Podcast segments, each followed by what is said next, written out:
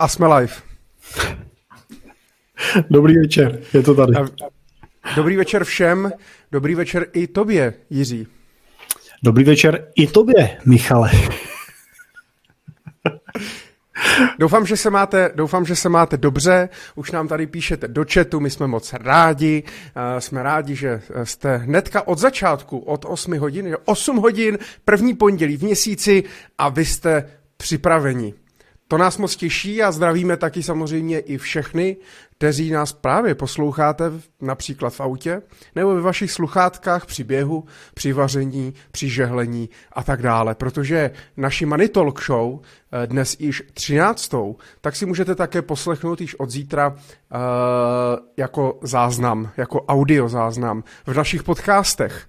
V podcastu Jirky, Cesta rentiera nebo Myšlení prakticky Aha, finance tak... prakticky, finance prakticky, Michale, promiň, já se omluvám, já jsem se totiž zasek na to, si slíbil, že už od zítřka, ale na mým podcastu až od čtvrtka, prosím, ale já promiň. jsem to, já jsem, hele, taky mě to proběhla ta myšlenka hlavou, chtěl jsem to pak opravit, ale už jsem to, už jsem to nechtěl, ale je asi... Prakticky samozřejmě s Michalem Důbkem. Ale je asi blbost říkat lidem, kteří to teď poslouchají jako podcast, že si to můžou poslechnout jako podcast v našich podcastech, protože to asi zrovna dělají.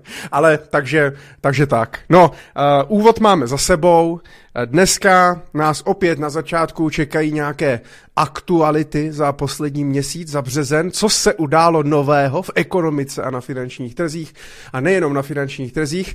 A samozřejmě pak přijde, přijdou na řadu i vaše dotazy a nějaké náměty, takže můžete nám psat, psát dotazy, které vás, co vás cokoliv, co vás zajímá, na co chcete se zeptat.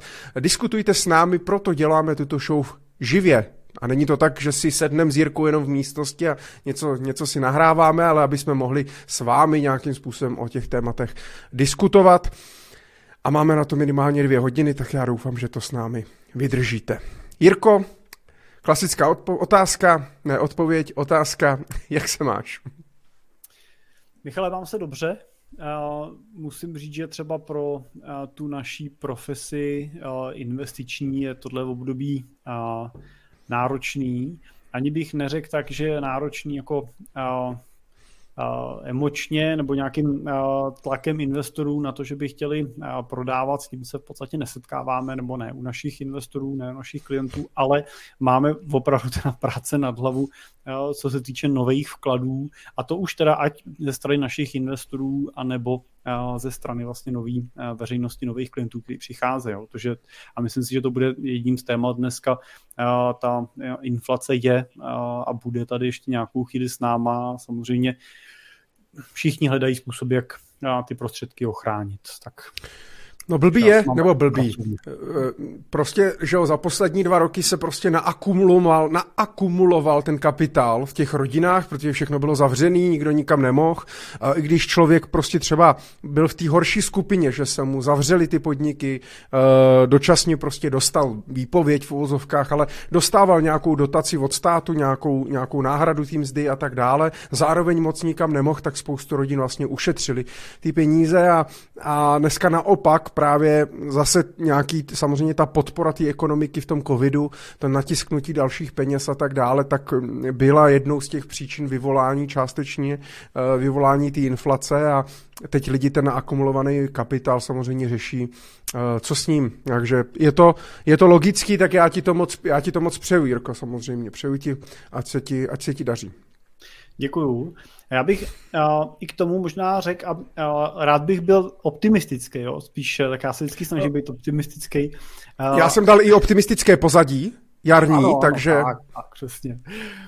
Uh, tak jenom uh, jsem vlastně chtěl z toho optimistického pohledu říct, že nejenom uh, ty lidi, kteří uh, na, na, našetřili spoustu peněz samozřejmě v průběhu covidu tím, že jsme nemohli cestovat pořádně, nemohli jsme utrácet a tak dál, ale řekl bych, že i je velká část lidí, kterým se podařilo vlastně na té krizi vydělat. A teď nemyslím jako negativně, jo? Ne, nemyslím tím, já jsem před začátkem covidu natáčel nějaký podcast s jedním z našich právníků a on říkal, hele, sorry, já už budu muset běžet, protože mi má přijít klient, on teď objednal z Číny hrozný kvantum roušek a spekuluje na tom, že to tady hrozně draze prodá, což se mu teda evidentně podařilo. Tak nemyslím úplně tuhle tu část jako biznisu, že se na tom svezete takhle, ale musím říct, že mám mnoho klientů ze sféry třeba IT, a nebo samozřejmě spedice, nebo ostraha a podobné jako obory, kde ten covid zase naopak byl velkou jako příležitostí a přines, přines velké množství nových vlastně zakázek a nového typu těch tendrů, který vlastně oni soutěžili a vyhrávali. Takže, jak se říká, jak se říká, prostě jako ty karty se rozdávají, když na ulicích v úzovkách teče krev, tohle vemte hodně v úzovkách, jo, ale se často cituje Warren Buffett v tomto případě, že nakupuje v, ve chvíli, kdy teče krev, ale je to skutečně myšlený teda obrazně.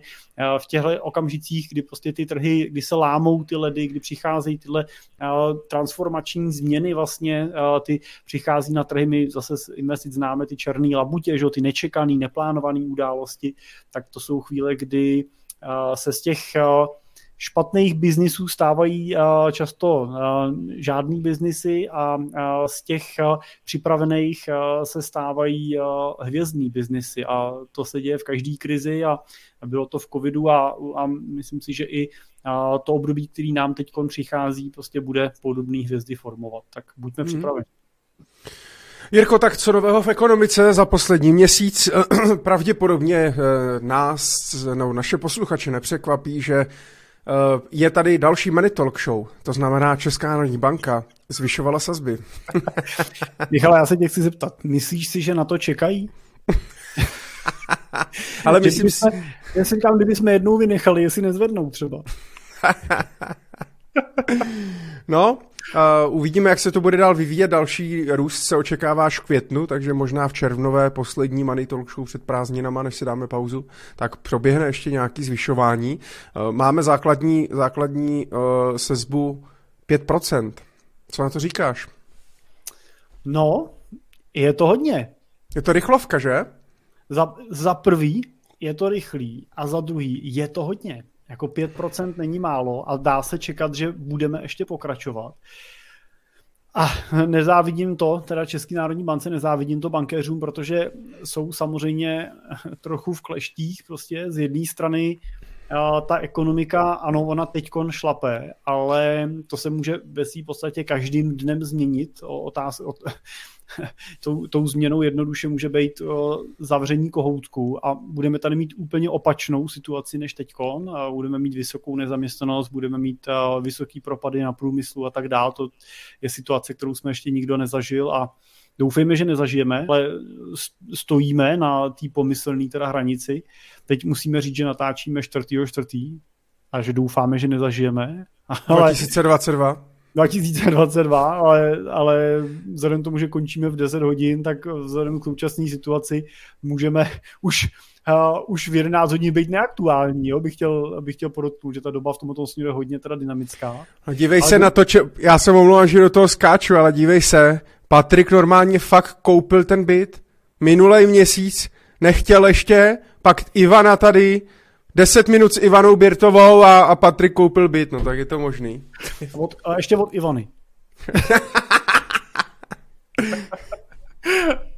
tak promiň jenom, říká, tak zdravíme Patriku. Ano, jo, gratulujeme, super. Zdravíme a gratulujeme, přesně tak, tak. Sazba pěkná. Uh, a uh, Teď je prostě otázka samozřejmě, co tyhle sazby budou dělat s ekonomikou, jo? protože jedna věc je, že samozřejmě si za tyhle sazby půjčujeme, Druhá věc je, že za tyhle sazby samozřejmě se financují financují firmy a, a to financování najednou je prostě opravdu jako to, pětkrát dražší prostě na, na úrocích, než, než bylo. A hele, vidím tady v komentářích, Patrik píše, že od Ivany není a Ivana píše, že mění životy, takže zdravíme starou sestavu, teda všichni, všichni na značkách, je to dobrý. našich, hele, našich 20 loajálních posluchačů. Ale vážíme si toho, samozřejmě, děkujeme moc. Určitě, děkuji. Takže, takže myslím si, že sazby České národní banky jsou zajímavým jako fenoménem, teda tempo a rychlost a i výše. Sám jsem teda zvědavý, kam až můžou vyrůst, protože ještě v prosinci jsme měli pocit, že těch 4,5 maximálně 5 je strop a vlastně útok na Ukrajinu to všechno v podstatě změnil a najednou teda strop v podstatě neznáme a bohužel neznáme strop ani uh, úrokových sazeb a neznáme strop ani inflace. Jo, protože skutečně ještě před pár měsícema jsme mluvili o inflaci jo, a o tom, že se tady budeme potýkat chvíli s 10% a koncem roku budeme na 3% a, a teď vlastně musíme být realisti a díváme se na to, že už i Česká národní banka mluví o 15-16%. Aktuálně jsem koukal, že máme 11,1 za únor, teda co byly statistiky a, a a jestli pokud by došlo teda k uh, nějaký eskalaci uh, eskalaci uh, rusko-evropských vztahů z pohledu právě plynu, tak se můžeme dočkat inflace i na úrovni třeba 25%. A to už je něco, co um, jako nás, ono už teď nás to všechny bolí, ale u inflace je největší, uh, největší ten otazník, jak dlouho tady bude, jak, jak, dlouho nás to, uh, jak dlouho nás to bude bolet a jak dlouho a moc to bude ty peníze pálit. Ale je dobrý si uvědomit, že uh, pokud máme teď inflaci 11-12%, tak pokud tyhle ty peníze, dlouhodobý peníze, teda řeknu, ležely na běžném účtu, tak těch 11% prostě, pokud je váš spotřební koš standardní, tak uh, jste skutečně škrtli a už je nikdo zpátky nevrátí. Jo? Ty už jsou pryč. To není, že inflace je 11 a, nebo 15 a pak bude najednou zpátky 3. Ona bude v budoucnu zase zpátky, uh, třeba 2, 3, 4% ale tyhle peníze už jsou pryč prostě. Jo? To, to, to, že by jako eh, se nám zhoupla do mínusu a vrátili se nám ceny v tom celém koši zpátky, už je ne, nerealistický, jo? to ne, jako ne, ne, nepravděpodobné. Je fakt, že včera jsem byl v DMku a můžu potvrdit inflaci, protože mi o 12% zdražili můj krém na tělo. Tak, Takže to jsem to pocítil. A můžeš to dělat jako já. Krém na tělo nekupuju. Ale já jsem si teda všimnul taky, pač jsem byl, pač jsem byl uh, včera, ne včera, v pátek, uh, jsem byl u kadeřníka a zdražil mi taky. Myslím, že... Jirko, a samozřejmě, možná, možná, možná to bude taková už i klasická cimpelovská, cimpelovská otázka pro další díly. Co cukr? No takhle, cukr, cukr teda jsme paradoxně nakoupili ve slevě teda, ale skutečně jsme koupili asi za 11 korun. Ale musíš Michale vysvětlit, že eh, jsme cukr koupili jako včelaři, ano, no to si pustí, ale eh, pokud chcete vědět, proč eh, cukr, tak si puste minulý díl Money Talk Show. Ano, Nevím, kde to bylo, zhruba ve tři čtvrtě, ale když si pustíte celý, o nic nepřijdete. takže, eh, takže je to tak, samozřejmě ty věci, některé třeba nezdražily vůbec, některé zdražily o těch 10%, některé zdražily klidně o 50%, takže prostě ten spotřební koš, ono záleží i prostě jaký každý ten spotřební koš má jiný, protože kupujeme jiné věci, a tak dále. Na druhou stranu je to jako skvělá příležitost možná trošku nad tím, nad tím vlastně začít, začít jako přemýšlet a je vlastně strašně vtipný, že mm, v úvozovkách z toho pohledu ekonomického, eh, teď nemyslím z pohledu zdravotního, úmrtí a tak dále, to nechci zlehčovat, tak ten covid byl vlastně strašná prča, jako jo, že se vlastně jako během toho covidu nic moc vlastně nestalo díky tomu, že prostě se nalili ty peníze do té ekonomiky a, a, a prostě nějak se to udržovalo. Samozřejmě máme Michale, prostě z toho... Můžu? Jenom k tomu, přesně jenom jsem chtěl k tomu, co si řekl, jenom krátký komentář, že byl covid uh, prčá. Uh, byl, ale z jakého pohledu? Jo, COVID můžeme si dovolit, že a teď bych chtěl samozřejmě být opatrný na to, že Covid byl prča pro všechny, kdo ho přečkali s lehkým průběhem. A Ale já proto jsem říkal, že myslím z toho finančního hlediska, ne, jo, ne jakoby jo. ze zdravotního. Jo? jo ale, Oproti tomu, ale, co je teď. Víš, jako jenom, jenom jako je dobrý si říct, jako ale že se na to díváme ze z pohledu teď zrcátka zpátky a to ano, to byl z finančního hlediska, jako se dá říct, že byl jako snadný, že jsme tím prošli, ale vzpomeň si na tu dobu, kdy covid začínal a, a moc dobře si pamatuju, že jsme o tom spolu mluvili a, mm. a vlastně sám, sám si byl, všichni jsme byli v stresu, jako co bude, já si pamatuju, že jsem tady jak blázen v zádveří přemýval nákupy, prostě abych je mohl vzít do baráku, jo, protože měla manželka strach vlastně, aby s tím něco nepřišlo. Měl jsem pocit, že jsem blázen a teď jsem se o tom bavil s jedním naším velikým teda klientem.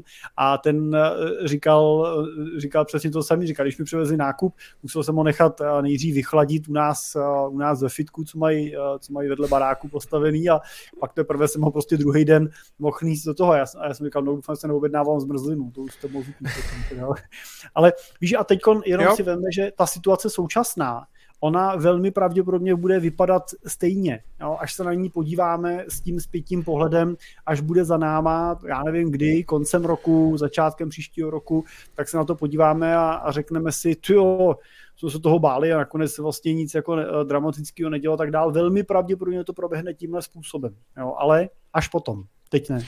No, eh, jasně. A mm, na druhou stranu eh, já jsem vlastně permanentně ve stresu a permanentně uh, tím, že se tím živím, tak permanentně se koukám neustále do našeho rodinného rozpočtu a permanentně přemýšlím nad tím, na čem bych mohl ještě ušetřit, jak bych mohl, co, co platím zbytečně uh, a tak dále. A, uh, a vlastně dívám se na to pořád, takže pro mě se vlastně jakoby nic, uh, nic moc jako nemění, tak jak třeba dneska bych doporučil lidem, kteří nikdy nesledovali třeba svoje výdaje, nemají pod kontrolou svůj rozpočet, tak bych jim doporučil prostě okamžitě si na to sednout, rozklíčovat některé věci, protože opravdu já se fakt potkávám s rodinama, kterým prostě oni fakt neví, prostě. Tam nějaká platba kartou, tam nějaký sub, subscription, prostě jo, tam něco a tak dále, prostě zapomínají na to, jsou věci, které prostě platí a nevyužívají je třeba naplno a podobně, takže jako není lepší, opět říkal jsem to i před dvouma rokama, když začínal covid, tak jsem první, co jsem řekl, hele, sedněte si, udělejte si rozpočet, mrkněte, co vás čekají za výdaje, právě skrz tu nejistotu, Podívejte se, co vás čeká do konce roku, jaký máte rezervy a tak dále. Dneska bych radil to stejný, ale vlastně dneska jsem si uvědomil, že já to vlastně radím každý rok bez rozdílu, v jaký jsme situaci, uh, protože prostě to třeba považuji prostě za normální. Vlastně vědět, uh, odkud ty peníze přitýkají, kam odtýkají, jak s nima hospodařím, jak dlouho vydržím, uh, vydržím bez příjmu jaký výdaje prostě očekávám jako rodina, eh, co plánuji, eh, jak moc se blížím ke své finanční nezávislosti, to znamená kontroluji si třeba poměr pasivních příjmů vůči těch, těm aktivním a, eh, a tak dále. Takže vlastně pro mě se nic moc nemění. Já, jak říkám, já permanentně jsem ve stresu z toho. Tak, jenom ještě jsem chtěl, my jsme o to utekli, chtěl jsem jenom s, tou, s tím zvyšováním těch sazeb. Je to otázka, protože už uh, při této hranici těch 5%, tak je slyšet z kuloáru, že by měla ČNB spíš, protože samozřejmě část té inflaci, podstatnou část dovážíme vlastně uh, kvůli, uh, kvůli energiím a tak dále, tím, že platíme samozřejmě třeba v eurech, a podobně, takže by měli spíš inflací bojovat tou intervencí prostě, jo, eh, a prodávat vlastně ty, devi, prodávat ty devizové rezervy, eh, které si nahromadili a nezvyšovat už ty sazby, protože prostě příliš vysoký sazby tak prostě můžou opravdu dostat vlastně tu ekonomiku do té do tý recese a utlumit, jak ty říkáš, prostě eh, to, ty, ty firmy, to jejich financování, další prostě růst a tak dále. Plus v létě mám pocit, pokud se nemýlím, tak nás čeká odměna, obměna zhruba půlky, půlky rady České národní banky, včetně guvernéra. Mám pocit, že Jiřímu Rusnokovi, že jsme se o tom bavili už, že Jiřímu Rusnokovi končí mandát, mám pocit v červnu nebo v červenci, takže taky ta retorika pak může být jako úplně jiná. Takže uvidíme, eh, co, co, co, nám, co, nám, to, co nám to přinese.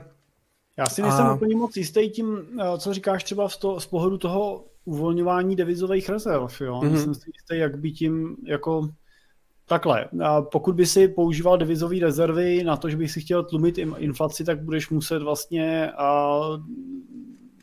jako snižovat kurz koruny. Že? Musel by si prostě jít po korunovém kurzu, to je to, čím můžeš ovlivňovat a konec mm-hmm. konců ta Česká národní banka to využila, ten instrument vlastně a využívá teď vlastně proto, aby stabilizovala kurz koruny, to jsme viděli vlastně, že koruna na dolaru vlastně v rámci toho minulého měsíce vlastně, nebo na euru, že jo, se pohybovala plus třeba 10 korun, 10%, že ne 10 korun, ne, ale plus 10%, což je hodně, jo, na bázi vlastně několika málo dní vlastně, kdy kdy oslabila a Česká národní banka vlastně nakupovala korunu na trhu, což, na což právě používala ty devizové rezervy. No, došlo vlastně k uvolnění části devizových rezerv a prodávala eura dolary nebo eurový dolarové pozice a nakupovala korunové pozice, čímž samozřejmě zvyšovala poptávku po koruně a ten kurz tak jak naopak v těch předchozích letech ho vlastně se snažila oslabovat, tak teď se ho snažila posilovat.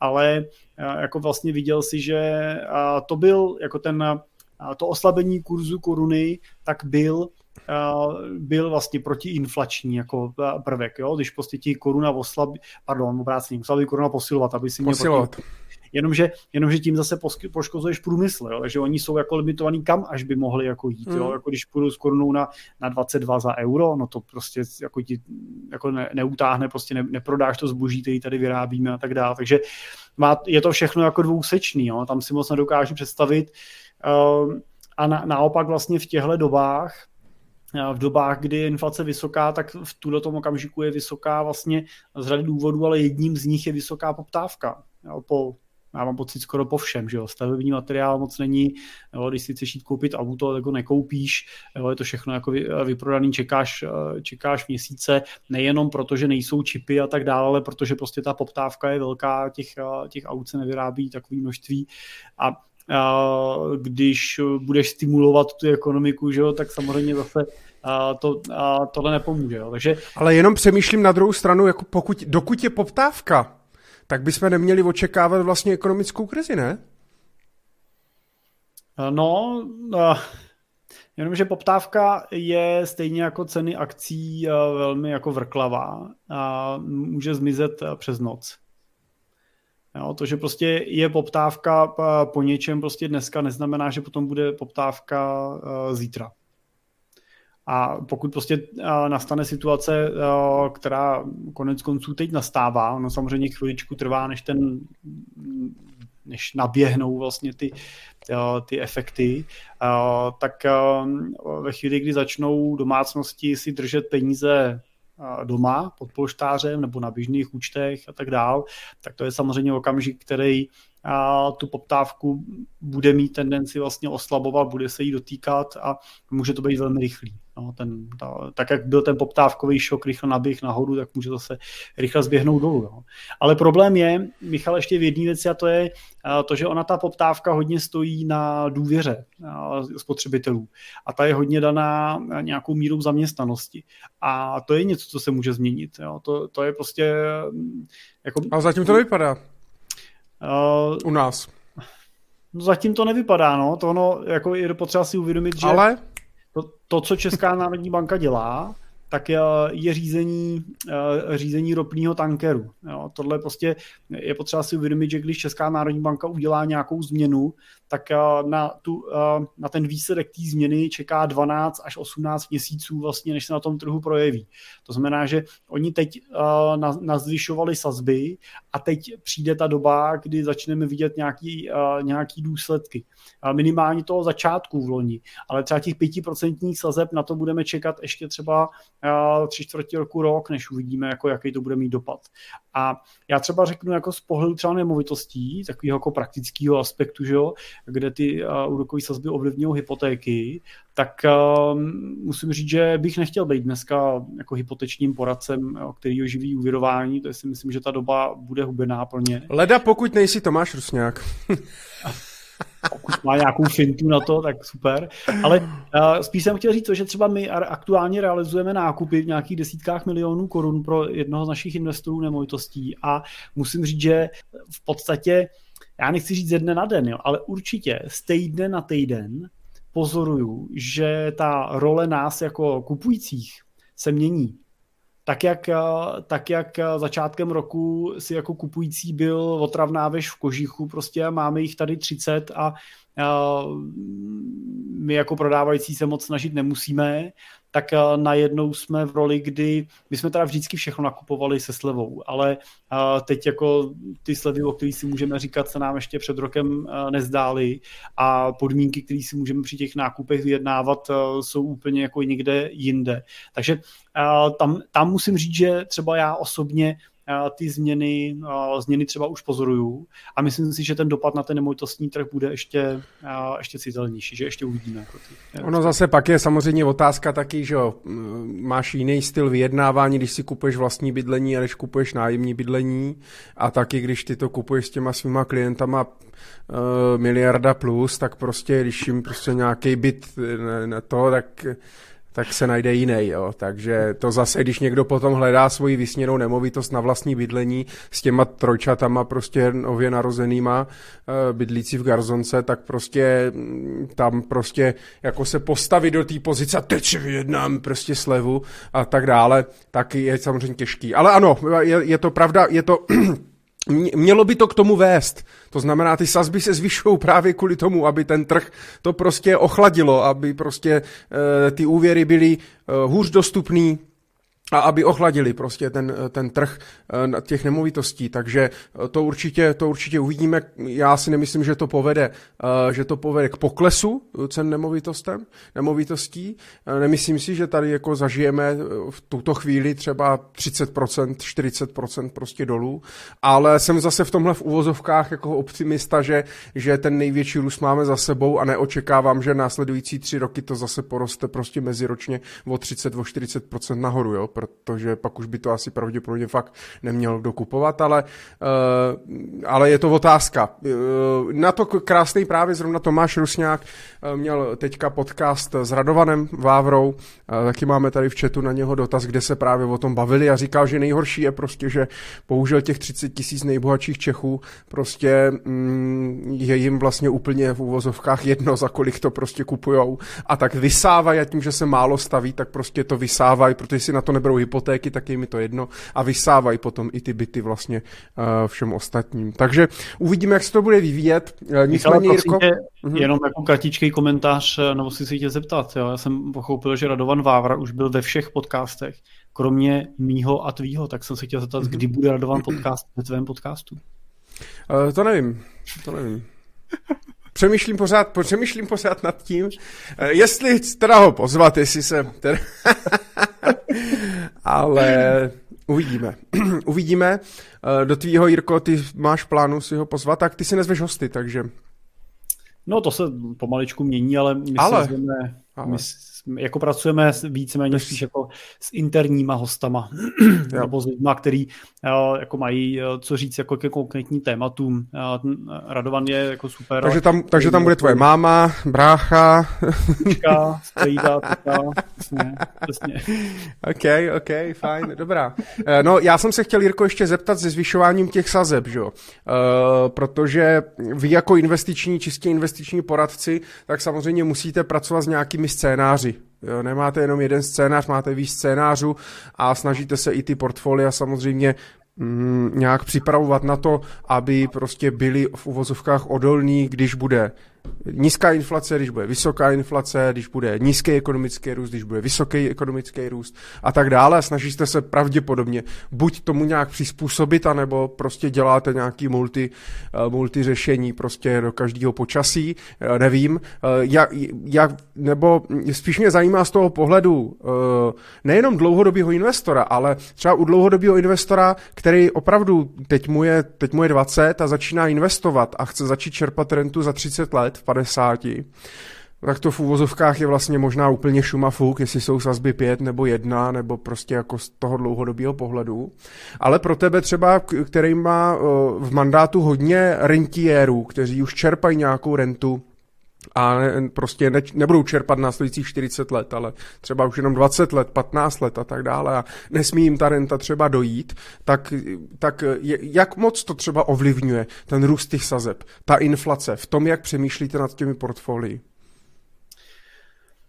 No, ta inflace v tuhle chvíli potvrzuje správnost toho, že je potřeba být zainvestovaný, že dlouhý peníze prostě mají být v investicích. Myslím si, že ty sám si takový jako letitej, letitej odpůrce těch korporátních dluhopisových emisí a směnek od Arky a podobných, kterých tady byl prostě dlouho, dlouho plný trh a překvapivě teda pořád, pořád jich jako plný je.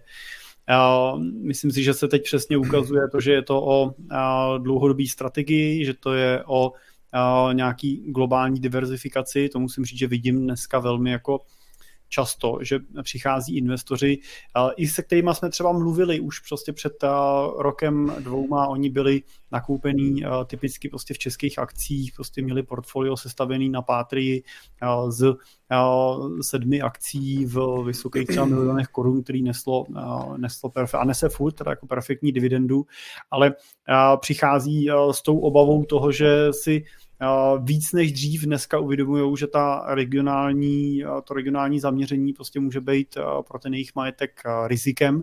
A týká se to teda specificky těch, těch rentierů, jo, protože pokud prostě je ti, je ti 50, 55, už nepracuješ, seš rentier, čerpáš ten majetek, tak jako v případě, že některá z těch tvých akcí prostě skon, některá z tvých pěti akcí skončí a ty tam škrtneš prostě třeba pětinu portfolia, to je fatální a, téměř bych řekl jako nevratná ztráta, protože ty z toho portfolia potřebuješ čerpat rentu, tak buď ji prostě na pár let zastavíš, aby si to dohnal, nebo prostě budeš čerpat menší, ale to, to riziko je pro třeba našeho typického investora neakceptovatelný. Jo. Ten jeho požadavek je vždycky primárně chránit a pak zhodnocovat.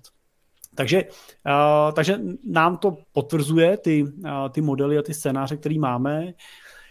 A víc než dřív to potvrzuje to, že zásadní je pracovat nejenom s dobrým portfoliem, ale i s, jako před tím portfoliem si udělat aspoň nějaký základní investiční plán. To znamená říct si skutečně takový ty odpovědi na otázky, kdy ty peníze budu potřebovat, jak je budu chtít čerpat, protože pokud chci začít čerpat rentu hned, tak nemůžu mít všechno investované v dynamických investicích, protože se mi pak může stát, že můžu pět let vybírat ty svoje, tu svoji rentu z poklesového portfolia, což nechci. Že? Takže musím vytvářet nějaké hromádky, musím si dělat něco konzervativnějšího, musím mít nějaké hotovostní alternativy, abych věděl, že můžu tu rentu čerpat, i když budou ty trhy na tom špatně.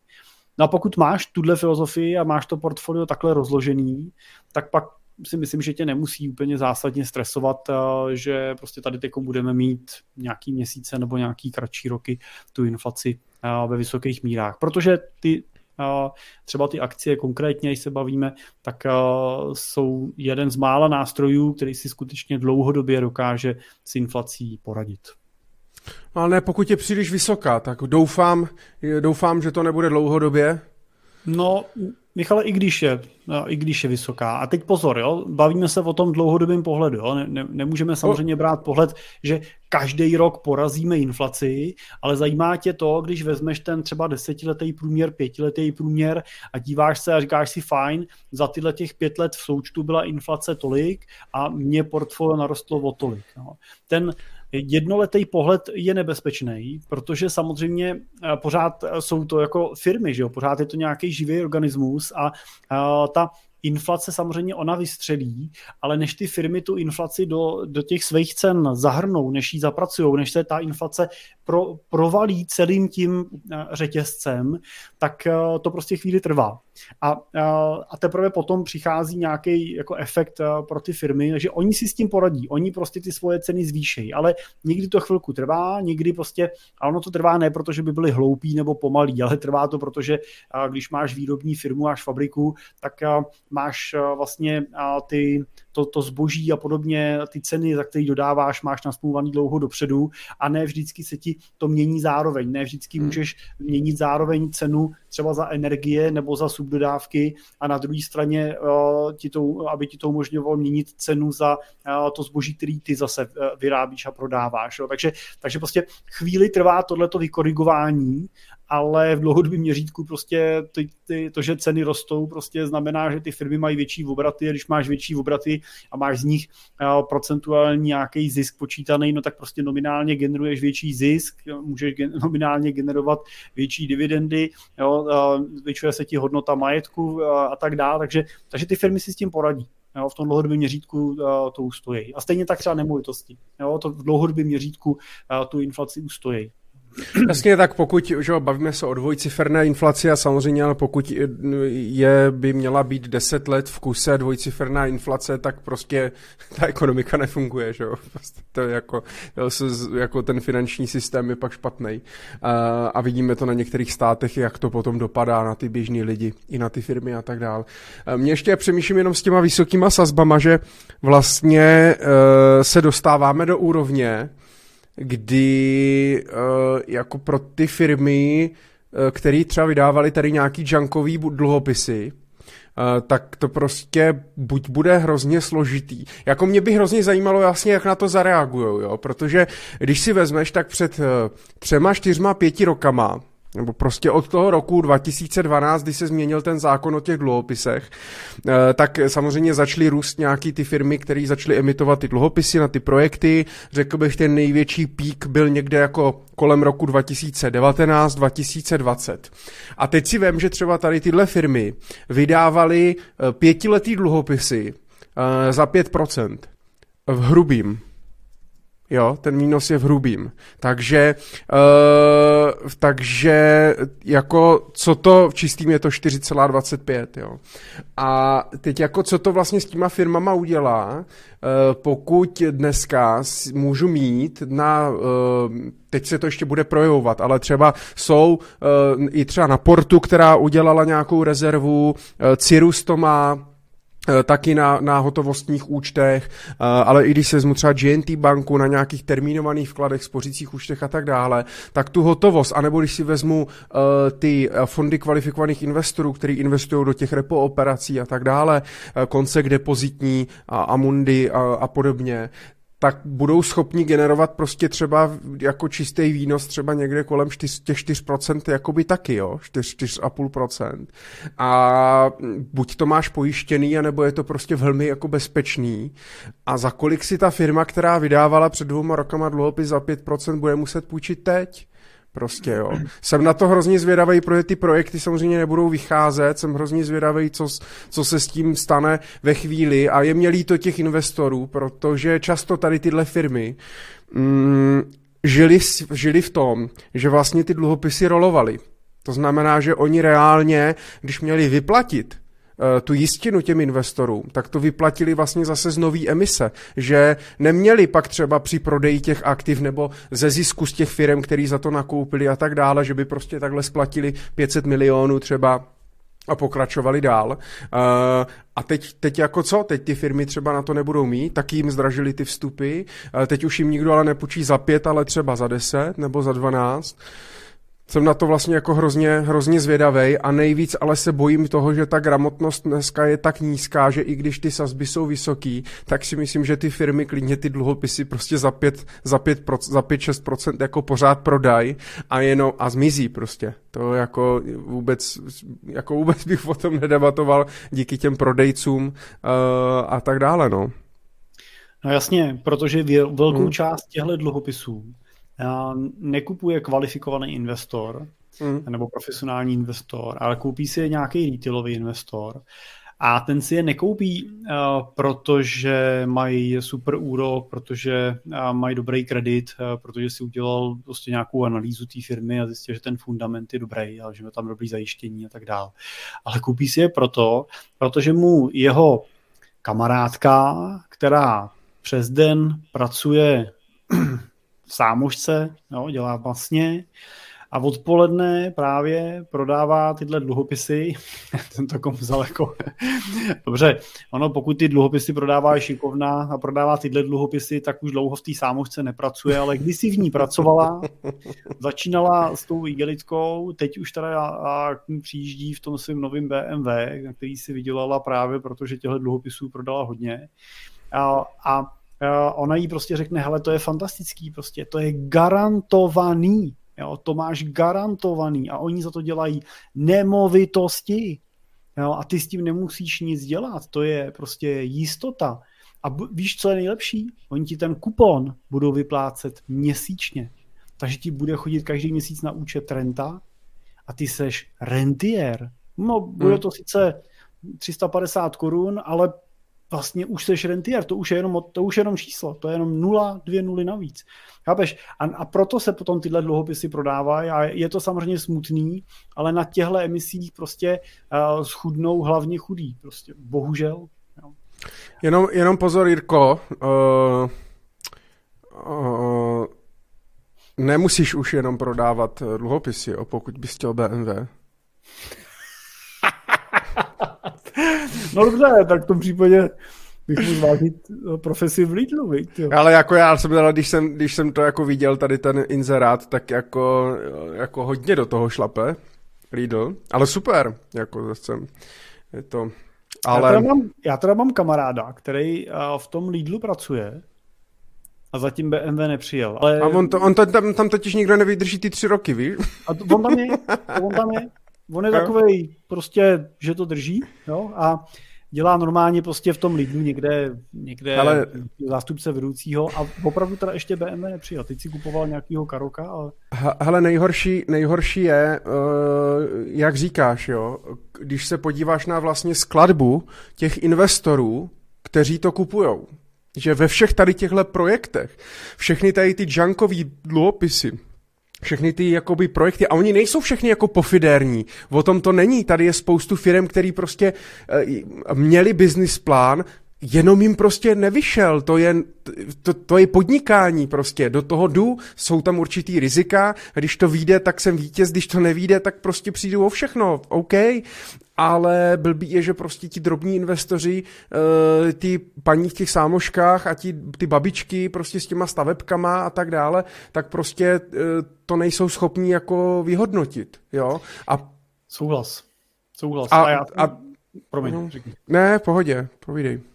Ne, já jsem chtěl říct, že, jsem, že s tebou souhlasím a já jsem seděl minulý týden uh, na schůzce s uh, investorama, uh, který staví, developují vlastně zajímavé projekty a byly to úplně bych řekl jako fantastický projekty. Jo. Ty dluhopisy byly Uh, takhle, by byly, jo, oni teda nevydávají, ale zvažují tu variantu, uh, by byly zajištěný ne, nejenom jako nemovitostí, a, uh, ale byly by zajištěný i vlastně biznisem jejich jo, a tak dál. Takže reálně velmi jako bezpečná investice z pohledu kreditního rizika. Tam jako si to, to riziko toho pádu, nebo nespa, pádu, riziko pádu toho projektu si představit dokážu a oni taky, ale díky těm, tomu majetku, který stojí za tím a to, tomu nas, technickému nastavení, tak je to řešitelný, ale oni přesně jsou ten typ investorů, který to nebudou nabízet retailu, ne, nebudou to nabízet tý široký mase těch stovek investorů, který přinesou každý po těch 100 tisícovkách, ale budou chtít um, malý počet investorů, který přinesou třeba 10-15, 10-15 milionů a víc uh, na ten projekt třeba na dva roky. A Uh, protože prostě, když máš mít těch investorů stovku, no tak na to musíš postavit eh, samostatnou firmu prostě, jo? Na, to, hmm. na to stavíš prostě eh, investor relationship a další věci, prostě nikoho, někdo to musí řešit, stojí to peníze, takže to musíš vyrealizovat uh, hodně, uh, musíš na tom vydělat strašně, jo? musíš za to platit málo a, uh, a žádný profesionální investor ti to prostě nekoupí. Jo? Takže uh, tohle je taky důležité si, uh, si uvědomit a já si třeba dokážu představit, uh, že bych uh, s takovouhle nabídkou, kdybych uh, měl možnost vidět takhle do hloubky, mohl uh, přijít za investorama, ale doslova řeknu za několika investorama, který máme eh, v mandátu. A, a to s jasným plánem toho, že OK, je tady takováhle věc, můžete mít prostě možnost nějakého třeba joint venture nebo prostě nějaký podobný investice, my jsme tam vyjednali nějaký podmínky, a, ale vy do toho nemůžete dát víc než prostě 10% svého majetku, jo? takže pojďme kalkulovat, co už kde máte a pojďme si říct, kde je strop toho, co do toho můžete dát, aby to bylo smysluplný, protože to v žádném případě není investice, kam prostě vezmeš jo, půlku svých peněz a, a lupneš je do toho, protože i když prostě to děláš se sebelepším úmyslem a tak dále, tak prostě to, to riziko vždycky existuje. Jo? To, v těchto projektech, v tom private equity vždycky. Hele, a teď je ještě otázka právě, a to třeba Vláďa Vláďa Fichtner, o kterém jsme se bavili, eh, než jsme to, než jsme to zapli, tak eh, mluví v té knížečce eh, právě malý, že náš kolega jinak vydal knížku o celostním pohledu na rodinné bohatství a tam právě rozlišuje pět úrovní vlastně klientů podle majetku a on říká, pokud prostě ta první úroveň, tak to je ta rodina, která prostě má peníze pouze na tu rentu. A prostě to má nějakou hromádku, která jim vyjde prostě na tu rentu. A pokud má jenom hromádku na rentu, tak s ní prostě nemůže riskovat. Prostě vůbec se tam nehodí nějaký private equity a pozemky a komodity a já, diamanty a já nevím, prostě nějaký, nějaký prasečiny. A pokud mám pak, a to si mu vyčíslím, a to někdo může mít milion, to někdo může mít pět, někdo deset, někdo třicet, podle toho, jak velkou renty chci, jak dlouho ji chci pobírat a tak dále. Jo. A pokud si řeknu, fajn, hele, moje majetek na rentu je 10 milionů, tak s tím musím prostě opatrně, Jo?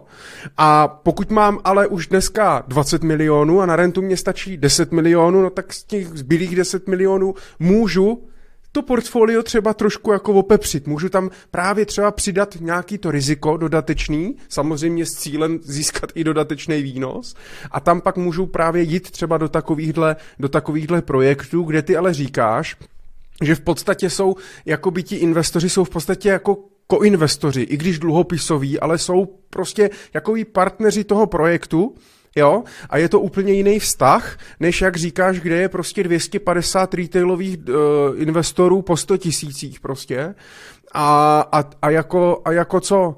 A další věc, která mě hrozně vadí, uh, je, jak ty si krásně podotkl tom, ta měsíční výplata kupónu, jo. Já vím, kdo s tím začal, je to super marketingově, strašně dobře se to vlastně prodává, jo. Prodává se to těm, kdo to prodávají, dobře se to hrozně kupuje těm, co to kupujou, prostě strašně dobře se to doporučuje, protože já, když, že jo, ti doporučím dluhopis a tobě už další měsíc přijde kupon, no tak aha, tak za dva měsíce víš, že to funguje a začínáš doporučovat dalším chlapům v práci a v hospodě. Mimochodem takhle krásně fungují Ponziho schémata. Tam musí být prostě měsíční výplaty anebo měsíční připisování ideálně, kteří teda to eh, zvedli jako na vyšší úroveň, takže měli třeba denní připisování úroku, jenom teda papírově, nevypláceli to vlastně nikdy.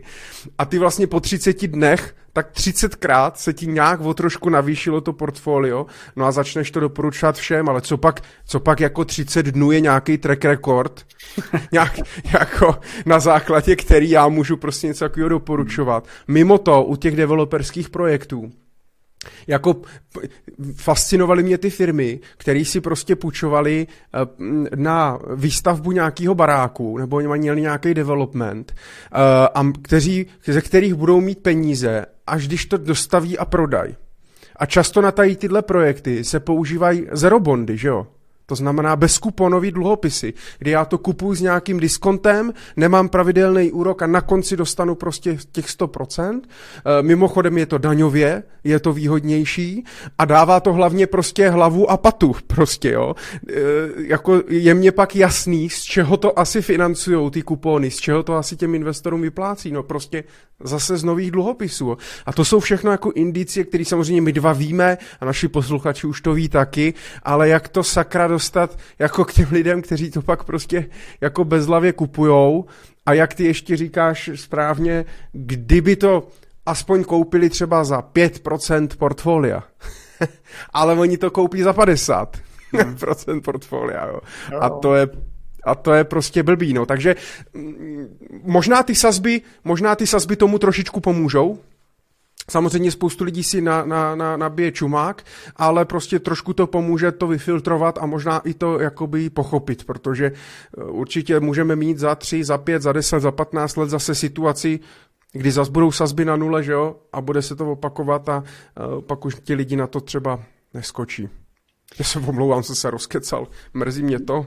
Michale, jestli teda nevadí, jsem se eh, odbočil těch dluhopisů, já mám já si myslím, že to téma té inflace je takový citlivý, jo, že nám teď tady běží. Já mám takovou jednu otázku, my jsme nad tím dneska jako diskutovali, a, diskutovali ve firmě, a, kde je třeba jako pro tebe hranice, když se bavíme o inflaci a budeme se bavit třeba na něčem, co jako prakticky všichni používáme a to je, a to je třeba to, že tankujeme že, do aut, benzín, nebo naftu, tak kde třeba pro tebe osobně je hranice, při který už by si jako... jako opravdu zvažoval, že nebudeš jako jezdit, nebo že zásadně změníš ty návyky.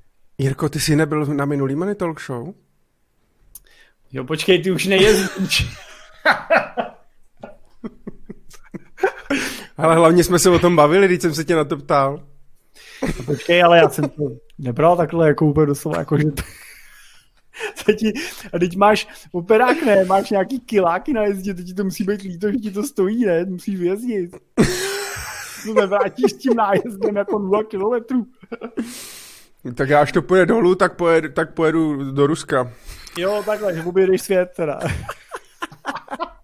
No a kde byla teda pro tebe, kde ne. teda pro tebe třeba emočně, pocitově byla hranice? Bylo to jako Hele, ku podivu, já, já jsem se o tom bavil s kolegou právě uh, na Badicu a mm, překvapilo mě, on je bohatší než já a nebudu říkat, kdo to je, ale uh, je bohatší než já a já jsem mu říkal, hele, 60 korun už by pro mě bylo asi hodně. A on říká, ty jo, tak pro mě 50. Ale ne jako, že by na to neměl, ale jako pocitově, jo, že hmm. jakože prostě jakmile by to začalo tou pětkou, takže teda už tam by teda prostě nějakým způsobem by to třeba jako omezil, nebo uh, nebo to, no, takže, ale jako těžk, asi těžko říct, no, tak teď to přepočítala na tu šalin kartu, tak tam je to blbý, no, prostě 9 korun na den, hele, to je... To je bezkonkurenční. To je bezkonkurenční. Ale e, ještě lepší je kolo. Už si ho musím, musím zaservisovat teďka a začnu jezdit na kole. Takže... No, uh, já jsem teda nad tím přemýšlel třeba u sebe, nebo jsme jako to... A u tebe je blbý, když máš, když máš auto, co žere 20 litrů na 100, no, to je pak... A tak 20 ton nežere, to je nepřání, ale, ale pět taky ne, teda. Uh, ale uh, já jsem nad tím teda přemýšlel trošku jako z jiný, a tak je to dobrý. Uh, Leo poslal 50 korun, takže minimálně do práce zítra dojet. Leo, děkujeme. Leo, jsi jediný, jsi jediný, kdo nás financuje. To už je, to už, aby to za chvilku nebylo divný. aby nás nějak neto. Ale děkujeme, Leo posílá 50 korun, tak já jenom připomenu, eh, ti z vás, kteří nás poslouchají na YouTube, tak v chatu máte, tam je takový odznáček dolaru, myslím, nebo něčeho a můžete, uh, můžete i vy nám přispět, pokud se vám líbí naše Money Talk Show. Uh, už jsme dokonce i našli teda uh, asi po čtyřech měsících, jak si ty peníze dají vybrat. Takže když nám pošlete nějaký penízky, budeme samozřejmě rádi a my pak uděláme třeba nějaký merch nebo uh, uděláme nějakou uh, letní, letní live show v Praze a tak dále. Něco vymyslíme. Děkujeme. Tak jenom dokončím tu myšlenku, že, Dokončím. Uh, že vlastně nad tím uh, můžeš přemýšlet nejenom z pohledu té ceny, ale i samozřejmě z pohledu toho, uh, jak se ti vyvíjí příjem. Jo? Že prostě pokud uh, bude inflace 10%, ale tvůj příjem naroste o 10%, tak vlastně se tě ta inflace netýká. Teď samozřejmě takhle, pokud vyroste příjem o 10% oproti době, kdyby rost nula. Jo, kdyby byla inflace nula a příjem ti nevyrost, tak samozřejmě je to stejný. Pokud by ti rost příjem o 10% normálně a roste i v období inflace a tobě teda se to nějak jako nepromítne, tak samozřejmě je to pro tebe nějaká ztráta. Ale pokud prostě třeba zaměstnavatel to kompenzuje, nebo jste, eh, nebo jste podnikatelé a, ten, a můžete si ten příjem jako kompenzovat nějakým způsobem, nebo vám přináší ta situace nějaký biznis a tak dál, tak vlastně uh, je to spíš vlastně emoční záležitost, je to spíš ta jako pocitová stránka té věci, když prostě teda na té pumpě, jak psal jeden náš kolega, tankuje vždycky za 500, prostě, že jo, akorát teda... už ne, a další den už nedojel do práce. Dojede míň a míň a tankuje častěji a častěji, ale furt za 500, jo. Tak tak ho netankuješ prostě za 500, ho tankuješ prostě za 1000, nebo netankuješ za 2000, tankuješ za 3000, ale pokud se to kompenzuje v tom příjmu, tak tě to nemusí jako dramaticky jako drásat nervy. Pokud se to nekompenzuje v tom příjmu a musel by si sahat jako do, do rezerv, tak samozřejmě tam, třeba pro mě osobně, tam by začínala jako emoční citlivost na ten růst ceny. No. Jenže víš, co je blbý? Že tak, jak to povídáš, tak, tak bohužel život nefunguje. Tak, ta, ty se na to koukáš, a já vím, já to taky na to snažím takhle koukat, ale to je čistě z racionálního hlediska, ale víš, že ta behaviorální ekonomie funguje trošku jinak, my jsme se i o tom bavili v těch předchozích dílech, právě o těch třeba cenových kotvách, jo, uh, a, a to je pro ty lidi hrozně, hrozně těžký. Ono, když to bude dlouhodobě, tak si na to zvyknou. Já si pamatuju, kdy prostě jsme, kdy zase na Facebooku se brečilo, když, bylo, když zdražili ty vajíčka s tím máslem. A máslo zůstalo. Já kupuju máslo za 50 korun. Pořád. Jasně, jsou nějaké akce a tak dále. V průměru to zůstalo na 50 korun a lidi si zvykli a, a, a vlastně jako v pohodě, ale hrozně, hrozně remcali, takže je to prostě, máš takový ty kotvy prostě, jo, za kolik kupuješ, za kolik prostě kupuješ mlíko, za kolik kupuješ sír a tak dále a, a, a je to těžký, pro, takže, takže i když rostou příjmy, a měl bys, a rostly příjmy a měl bys být vlastně jako v pohodě, tak tě to stejně pocitově jako bolí. No, já... Uh, a omlouvám se jenom, Jirko, nějakou znělku, musíme vymyslet nějakou, nějaký zvuk. Počkej, počkej, počkej. Tam troda, ne, pomohlo to? Nevím, jestli to bude motivovat ještě někoho jiného, že by poslal 50 korun. A, takže 13. epizodu budeme věnovat pouze tomu, že budete posílat peníze, my budeme mlčet a budeme čekat. Ne, ne my budeme tam teda celou dobu. No, jako zvuk, z, zvuk cinkání peněz. Čiko, děkujeme moc za 50 korun, píše, těším se na merch. Uh, já jsem to myslel ze srandy, ale pokud byste chtěli nějaký merch, uh, Money Talk Show, a my jsme mohli, i ty dvě hlavy tam mohli naše dát, třeba na záda. Myslíš, že, že by chodili naši posluchači s náma na zádech? Ty čeče, to nemáme ani na firmních jako tričkách a bundách. to by byl vyšší level teda. Hele, ale naše show Petr Mára nosí opici a naši posluchači budou nosit Jirku s Michalem. Až je to můžeme udělat jako NFTčko. Takže tak. No, omlouvám se, povídej. E, ty jo, Jo, já jsem mluvil, jenom jsem chtěl říct, že je to vlastně všechno otázka, ty jsi to řekl dobře, jo, že je to otázka analytiky a je to otázka hlavy.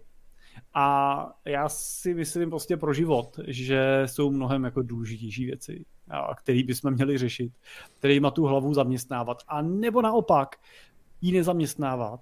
A, a protože prostě to neovlivníte. Jestli prostě ten benzín prostě stojí 45, nebo stojí 50, nebo stojí 25, nebo stojí 70, prostě s tím nikdo z nás nic neudělá.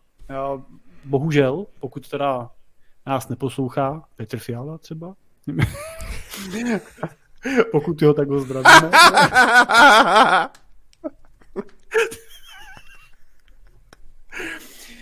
Takže ale, ale, ale dě... kluci, když nám furt posíláte peníze, Michala to vždycky rozhodí a pak se nemůžeme soustředit na téma. Ale tak pošlete radši víc jednorázově, než tyhle drobný průběhy, pač Michal pak je úplně rozhozený celou dobu. Děkujeme moc, já jenom Patrik, tar, Patrik tady píše karitu, ka, karikaturované hlavy vás dvou s bankovkami v ústech. Pokud tu máme někoho, kdo by to byl zvládnout nakreslit, kdo by to zvládl nakreslit, a poslat nám nějaký návrh, hele, Jirko, já jsem pro. A, takže ještě prosím tě, Jirkova trubka za 50. Tam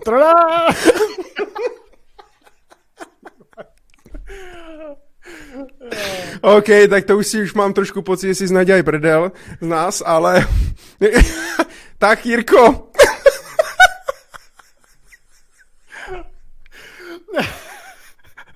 tam, tam, trla. Michale, máš taky nikdy troubit. troubit sám celou dobu.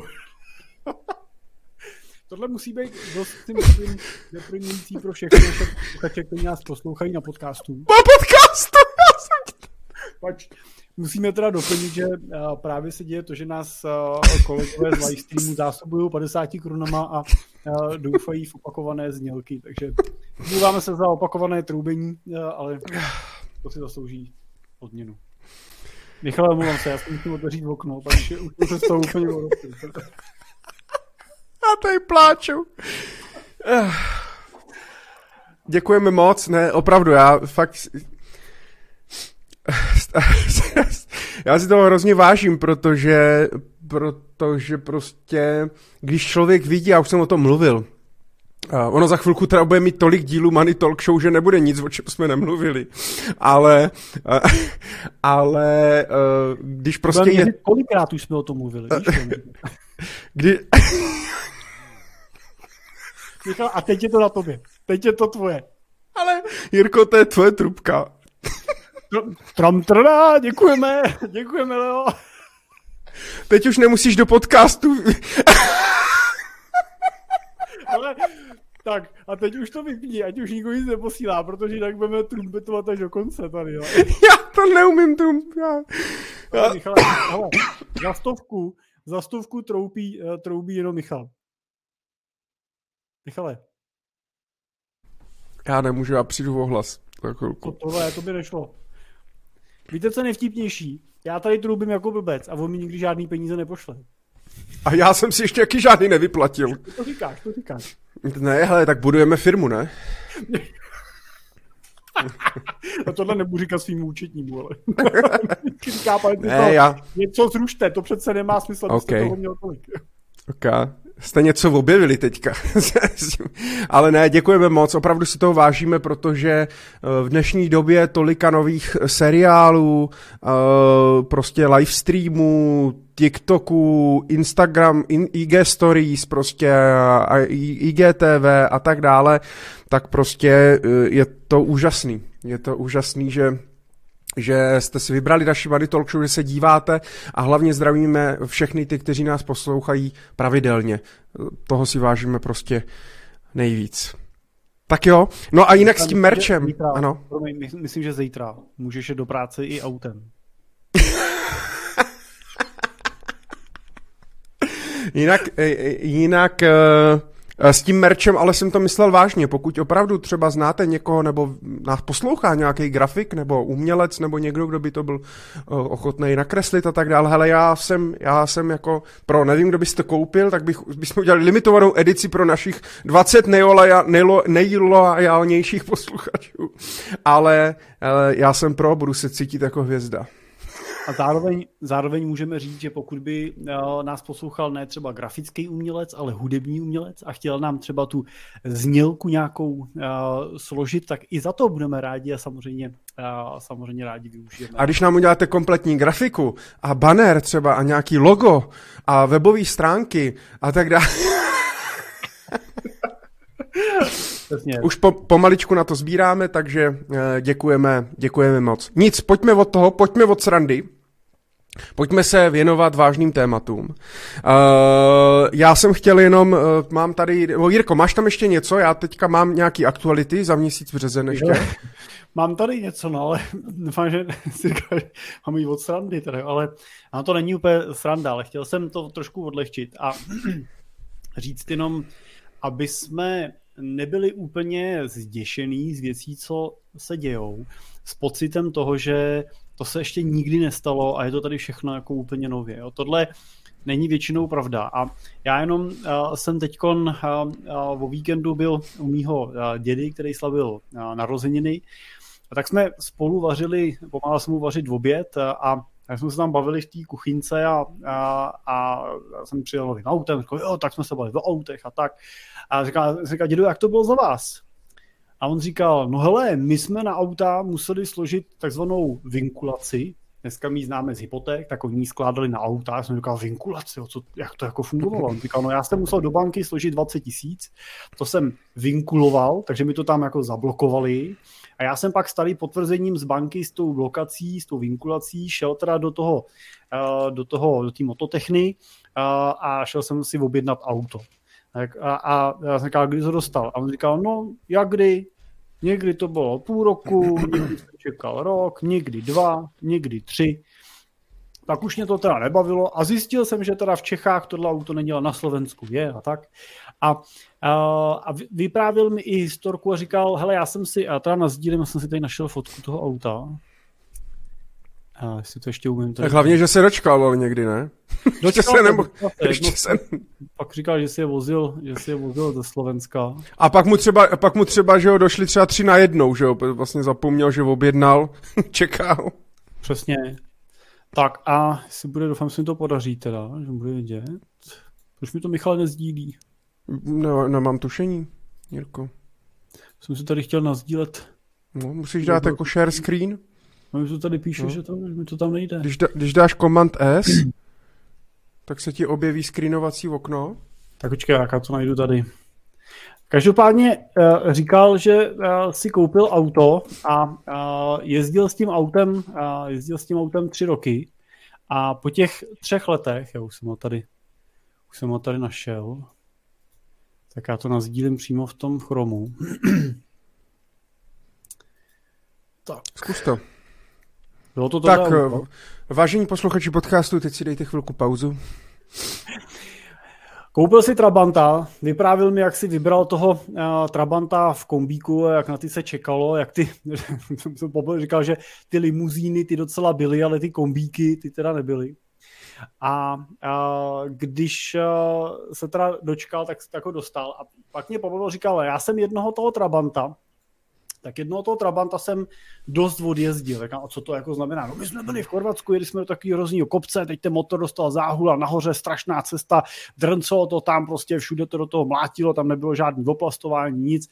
A pak jsem ho teda po těch dvou letech nebo třech letech prodal a říkal, no prodal jsem ho o 2000 levnější, než jsem ho koupil. Tak já jsem říkal, a to je jako málo, nebo no, to je málo, ten Trabant to stálo desítky tisíc, že dva, dva tisíce bylo málo. A jenom jsem to chtěl dát na tom ten příklad, že mám pocit, že tahle doba, že, že ji tady jako zase máme, jo? že zase prostě teda ty auta nejsou, zase v podstatě eh, dva roky ty auto prodáte skoro dráž než, eh, než auto nový, už tam není, že tam není, eh, není jako rozdíl a a, a možná, když auto dneska jetý koupíte a počkáte dva měsíce, jako prodáte dráž, protože prostě už zase není, tak uh, tohle už tady bylo. To prostě ne, není nic jako zásadně novýho. Lidi tu tak dobu... To jsme, to, to jsme se teda ale těch 30 let snažili úplně zbytečně. Hmm, tak tak zase prostě ber, že to, proč to tak je, protože prostě jsou peníze, bohatneme, jo, peníze se hodně natisklo, no tak někde to, někde to musí udělat, že jo. E, jako, on se ten trh zase trochu pročistí, jako každá, každá případná krize prostě je k něčemu dobrá, jo, ale Uh, je, jenom jsem na tom chtěl říct, že prostě už tady podobná situace byla, už jsme ji zažili, přežili jsme ji, tenkrát jsme se tím jako bavili, jo, vlastně byl borec, kdo sehnal auto, jo, děla mi vyprávěl, jak s Tchánem pro něj teda jeli, protože zjistili, že na Slovensku v Bratislavě překvapivě ty Trabanty moc nechtějí, takže se tam dá ten Trabant koupit rychleji, takže prostě jeli nočním vlakem, jak milíče, jak jeli nočním vlakem, jak se zamkli v tom kupé, že jo, spali, spali na těch sedačkách, jo, dojeli na to Slovensko, teď si tam to auto koupil a teď s ním jel zpátky a můj děda je takový uh, eh, jako pečlivý na ty auta, říká, tak se s tím nemuset ale jet pomalu, protože to má nový motor, že jo, a tak dále, že jo. A, uh, a vlastně má zážitek, který po, já nevím kolika, 40 letech vypráví prostě vnoučatům vlastně. No ale víš, co je vtipný? Že já mám pocit, že všechny tady ty historky jsou vtipný, až když se vypráví těch 40 let zpátky. Že v té chvíli, v té dob, v době to zás tak vtipný být nemuselo, no. Jo, jo. Ale tak jenom, a t- jenom jedna věc, uh, ano, máš, máš, máš pravdu a tady bych možná jenom mě napadá, ale uh, naopak bych řekl, neusněme na Vavřínech, aby to nebylo dlouhodobě vlastně. Aby se ta doba, kterou prostě žili naši rodiče a prarodiče, nevrátila na delší dobu. Aby jsme nepřišli o, o, o ty svobody a o to, o co jsme tady prostě ne, posledních 30 let, co jsme tady budovali, tak aby prostě se to nevrátilo zase zpátky. Ale nerad bych se dostal do černé kroniky. Jirko, děkujeme, děkujeme moc. Nemá děda Trabanta? Dneska, dneska jako Trabant zrovna to je, to je jako auto, který má obrovskou hodnotu. Už ne, už ne. Ale jak říkáš, jako nebuďme pesimisti. A mám krásnou knížku, teď jsem si objednal uh, z Amazonu uh, čtečky uh, o štěstí a, a přesně vlastně jako zjistíš, že ty věci čteš, tak prostě zjistíš, že jako to jenom 10% našeho štěstí tvoří ty vnější okolnosti. A, a velkou část teda štěstí tvoří, jako pocitu štěstí tvoří nějaký náš vnitřní pocit, prostě jako výchova a geny a tak dál. Ale a, a, tu hlavní část toho štěstí našeho osobního tvoří vlastně ty, ty, ty vnitřní postoje, vlastně, který si vytváříme k těm okolnostem a k těm situacím, které kolem nás jsou. A já mám pocit, že jako národ, jako Češi jako národ, jsme si vždycky dokázali ze všeho udělat prostě prdel, udělat si z hmm. toho strandu. A omluvám se teda všem, kdo nás poslouchá v autě cestou do školy a teď jsem teda děti naučil prostý slovo, tak fuj. No, tak Ale... no a prdel, tak, tak umíme si s toho udělat prdelku. Prdelku si s toho umíme udělat, tak.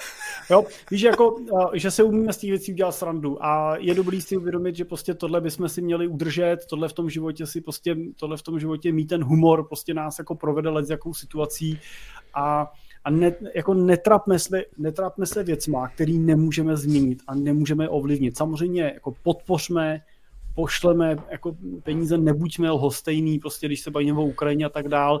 Eh, konec konců ta inflace, kterou tady máme aktuálně a která ještě tady bude s náma nějakou chvíli, je, je jako náš boj za tu svobodu.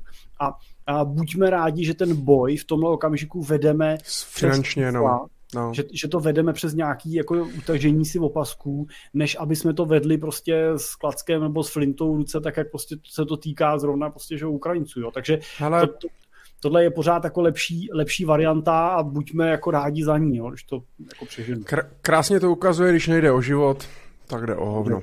Přesně. Tak omluváme se všem, kdo to poslouchá s těma dětma. Tak. tak, jde, tak, tak jde o bobek. Tak, malej říká bobeček furt na všechno, tak. Jo. Uh, Ještě už ve, ve, Koho? Toho malého nebo Bobečka? Ne, ten Bobeček, víš, těch malých dětí. Ne, se naučil ve školce si mezi dětskama říkají zadečku a Bobečku, no, tak já to, já to mám. No, Michale, oni si říkají jinak, ale doma rodičům říkají, že říkají zadečku a Bobečku. hmm, to taky přijde, no.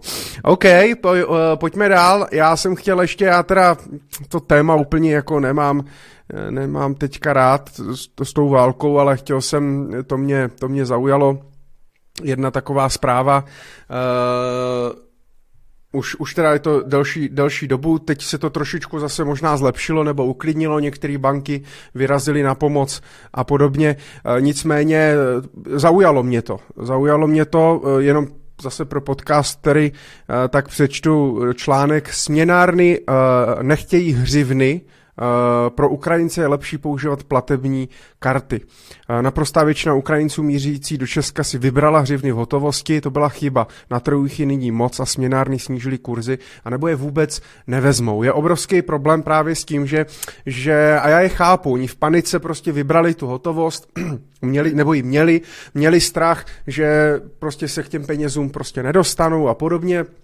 Já mám pocit, že ale banky fungují pořád, že, že ty banky tam nějakým, nějakým způsobem fungují, tak ona není napadená celá Ukrajina, že by tam byla úplná tma a nic nikde nefungovalo. Jsou to nějaké oblasti, nějaké města, ale blížší informace nemám.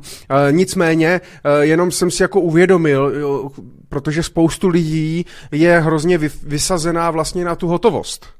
Jo, že prostě držme spoustu peněz hotovosti a hlavně hotovost bychom měli mít a teď myslí tvrdou hotovost v těch papírkách doma, jo. A, a ku podivu, i v těch, i prostě v těch českých korunách. My bychom vlastně na to mohli být úplně stejně, že nám by stačilo vody do Německa utíct, kdyby náhodou prostě se to rozšířilo sem, já doufám, že ne. Ale tak bychom vlastně s korunama s tvrdou hotovostí mohli být úplně ve stejném zadečku, uh, jako, uh, jako teďka Ukrajinci s těma hřivnama, jo. Takže jenom jsem, tím, jenom jsem si uvědomil, že aha, ale zase prostě jako mít hotovost určitě není nějaký všelek nebo něco a, a uh, musím se na to prostě podívat i takto. A naopak, vlastně jako čím, čím víc si uvědomuju, jak třeba i nějaký digitální aktiva, ale tím nemyslím jenom třeba krypto a tak dále, ale prostě mít to v té digitální, digitální elektronické podobě, to znamená podíly na těch akcích, dluhopisech, prostě ETFka, krypto, cokoliv, prostě, tak je vlastně v dnešním globálním digitálním online světě vlastně mnohem lepší, než si strádat doma tu tvrdou hotovost s těma, s těma, s tím zlatem a s těma diamantama, se kterými já bych pak jako uh, utek. Takže to taky pro mě vlastně bylo takový zjištění a že i dneska prostě třeba ty akcie, potom kdybych odjel do Ameriky, tam si otevřel nějaký účet, něco, tak se k ním pravděpodobně jako snáš dostanu, než jako eh, kdybych odjel s těma papírovýma akciema někam, někam pryč. Co si o to myslíš? No, je dobrý říct, že když by si chtěl držet hotovost jako pojistnou, tak by si ji neměl držet eh, v české koruně. A teď teda myslím pojistnou pro případ toho, že by si opouštěl jako uh, republiku z nějakého bezpečnostního důvodu, ale v takovém jako případě by se měl držet uh, toho ukrajinského diplomatického balíčku. Pro, proběhla nějaká ta krabice nějakého toho diplomata uh, na sociálních sítích, který tam měl skládaný ty dolary, uh, eura, já nevím co, jaký jako všechny různé měny a pak tam měl ty zlatý cihličky a tak dále, tak, tak takhle spíš vypadá ta krabice, jo, než si jako převážíte českou korunu. A pokud by tady byl nějaký problém, tak byste mohli mít jako to komplikovaný, tu, tu směnu. Jo. Ten dolar, euro uplatníte vždycky snadnější. Ale jako ta cesta a, s tím, s tím kryptem a, taky může být určitě, jak říkáš, jo. Ono i jako konec konců uh, on někdy může být problém dostat jako tu krabici s těma penězma i ven, jo. jako převíst. Jo. A když budete převážet prostě nějakou kryptopeněžinku, tak vy vlastně nemusíte převážet ani fyzicky, stačí si pamatujete ten feed nebo si ho nějak zaznamenáte a, můžete se pak přihlásit někde jako venku k tomu znova aktivovat jí, jo, tak i to je cesta, jo. ale zase prostě buďme jako realisti, jo? je to jako scénář opravdu jako takový extrémní, ale pokud nad tím nikdo jako přemýšlíte v této rovině, tak to může být, no. může být nějaká cesta. Jenže pak je otázka, eh, kolik takových hotovostí vlastně vůbec má smysl, protože Často nad tím přemýšlí lidi, kteří by si jako, OK, mám si vybrat dolary, taky mě lidi psali, mám si vybrat dolary, eura, jo, co si mám koruny, říkám, tak když už, tak asi nejvíc bych dneska věřil tomu dolaru, eh, vzhledem k té mm, geografické uh, situaci, nebo jak je to prostě teďka ložený v tom světě ale, ale jako kolik, jako pomůže mě, když si vyberu, jako když budu mít tisíc dolarů uh, v hotovosti, v, jako v pitlíčku, když odjedu do Ameriky s tisíci dolary, tak jako to tak jako prostě mě nic moc jako nevyřeší, jo.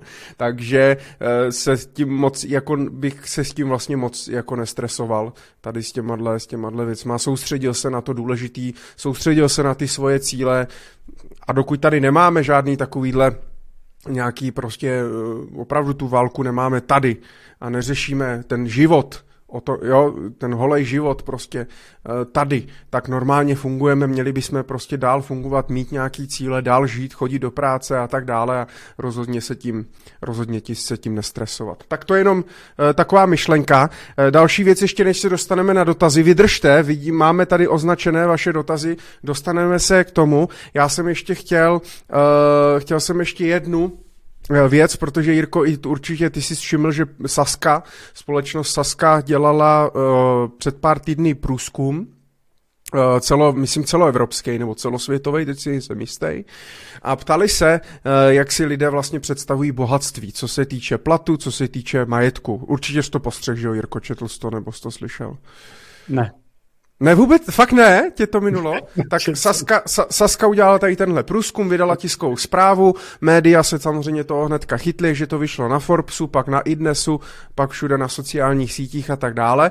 A bylo vlastně poměrně zajímavý, že ptali se samozřejmě i jako, co by dělali, oni tam navázali na to, co by dělali, kdyby vyhráli Eurojackpot nebo prostě toho rentiera a tak dále, ale je vlastně jako docela zajímavý, ten plat 120 tisíc a majetek 10 milionů. To znamená, takhle si vlastně lidi představují průměrní lidi, nebo průměr nějakého vzorku lidí, který o nich se ptali, tak si představují bohatého člověka.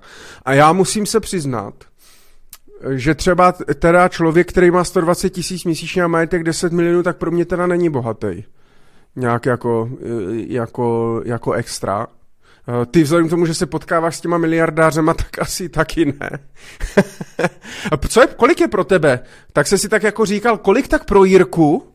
A já vím, že samozřejmě můžeme se teď filozofovat a dát si jako EZO, že bohatství není jenom o penězích a měli bychom mít hlavně jako být zdraví a mít rodinu a tak dále, ale když se fakt podíváme na to finančně, tak jsem si říkal, kolik tak pro Jirku, uh, jaký majetek, uh, nebo jaký plat je pro něho, že ten člověk je fakt bohatý finančně.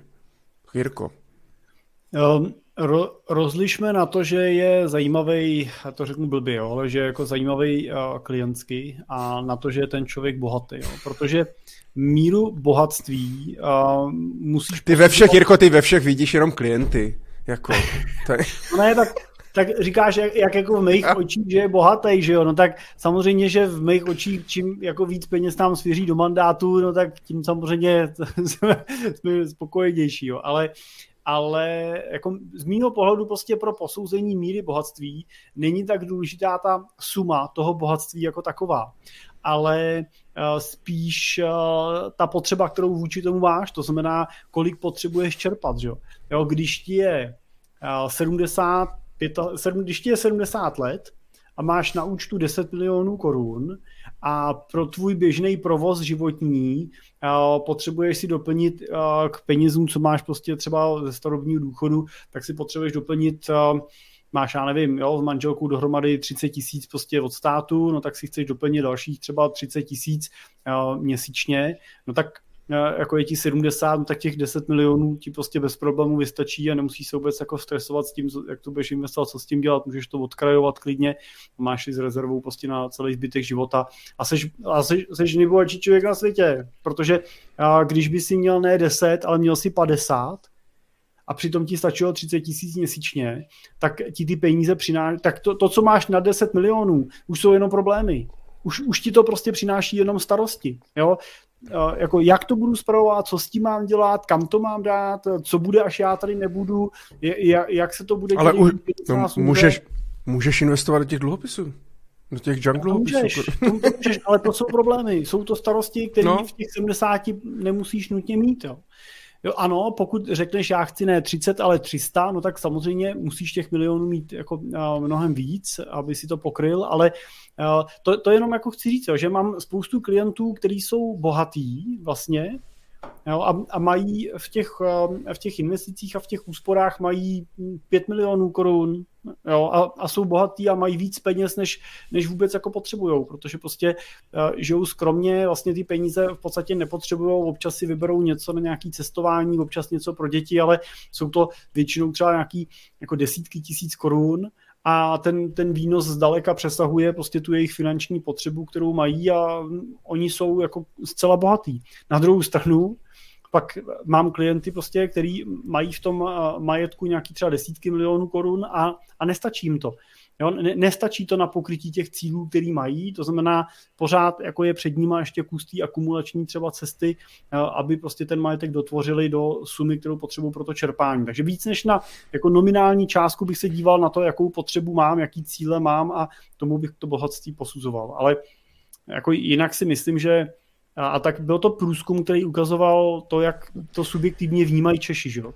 No, no a Jirko, a proto se tak, dočkáme se teda odpovědi? Jako uh, kolik je, byl člověk bohatý, já si myslím, že uh, je to otázka třeba hranice milionového dolar, dolar, dolarového milionáře, to znamená třeba 20, uh, 25 A pro, te, pro tebe? Takže já jsi bohatý. Takhle bych vnímal, ano. Ale ještě pozor, upozorňuju, že se bavíme o hranici investičního majetku. Jo, nebavíme se o součtu majetku, včetně vaší rezidenční nemovitosti a rekreační nemovitosti, protože prostě to je pasivum, to není vaše aktivum a to je potřeba počítat do výdajů, protože vás peníze primárně stojí a pálíte na něj, je to něco, co máte pro udržení životního standardu. Takže se bavíme o majetku investičním, který je schopný vám generovat nějakou přidanou hodnotu a níst nějakou rentu, tak já osobně uh, tu hranici jako skutečně jako bohatství, když řeknu, že ten člověk je nejenom movitý, nejenom finančně dobře zajištěný, ale že je bohatý, tak já osobně bych ji označoval na hranici toho milionového milionáře a vejš. To je málo, člověče, to jsi mě, to jsi mě překvapil.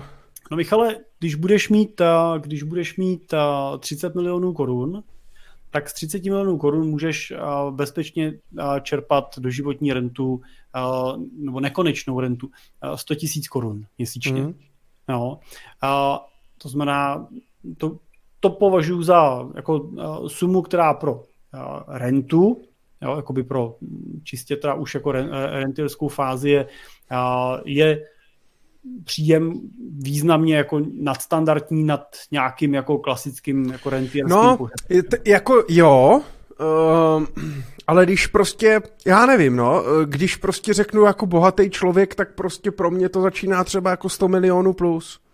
To je pro mě třeba jako bohatý člověk, jako jo, že dneska člověk, který má 20, 30, 40 milionů, vlastně zas tak bohatý není. Jasně, s poměrem na tu rentu a tak dále, zajistí si potřeby, určitě bude šťastný s tím a jako v pohodě, ale mm, když se dívám kolem sebe a, a tak dále, tak prostě pro mě prostě člověk, co má milion dolarů, uh, vlastně zas tak bohatý není, jako pocitově.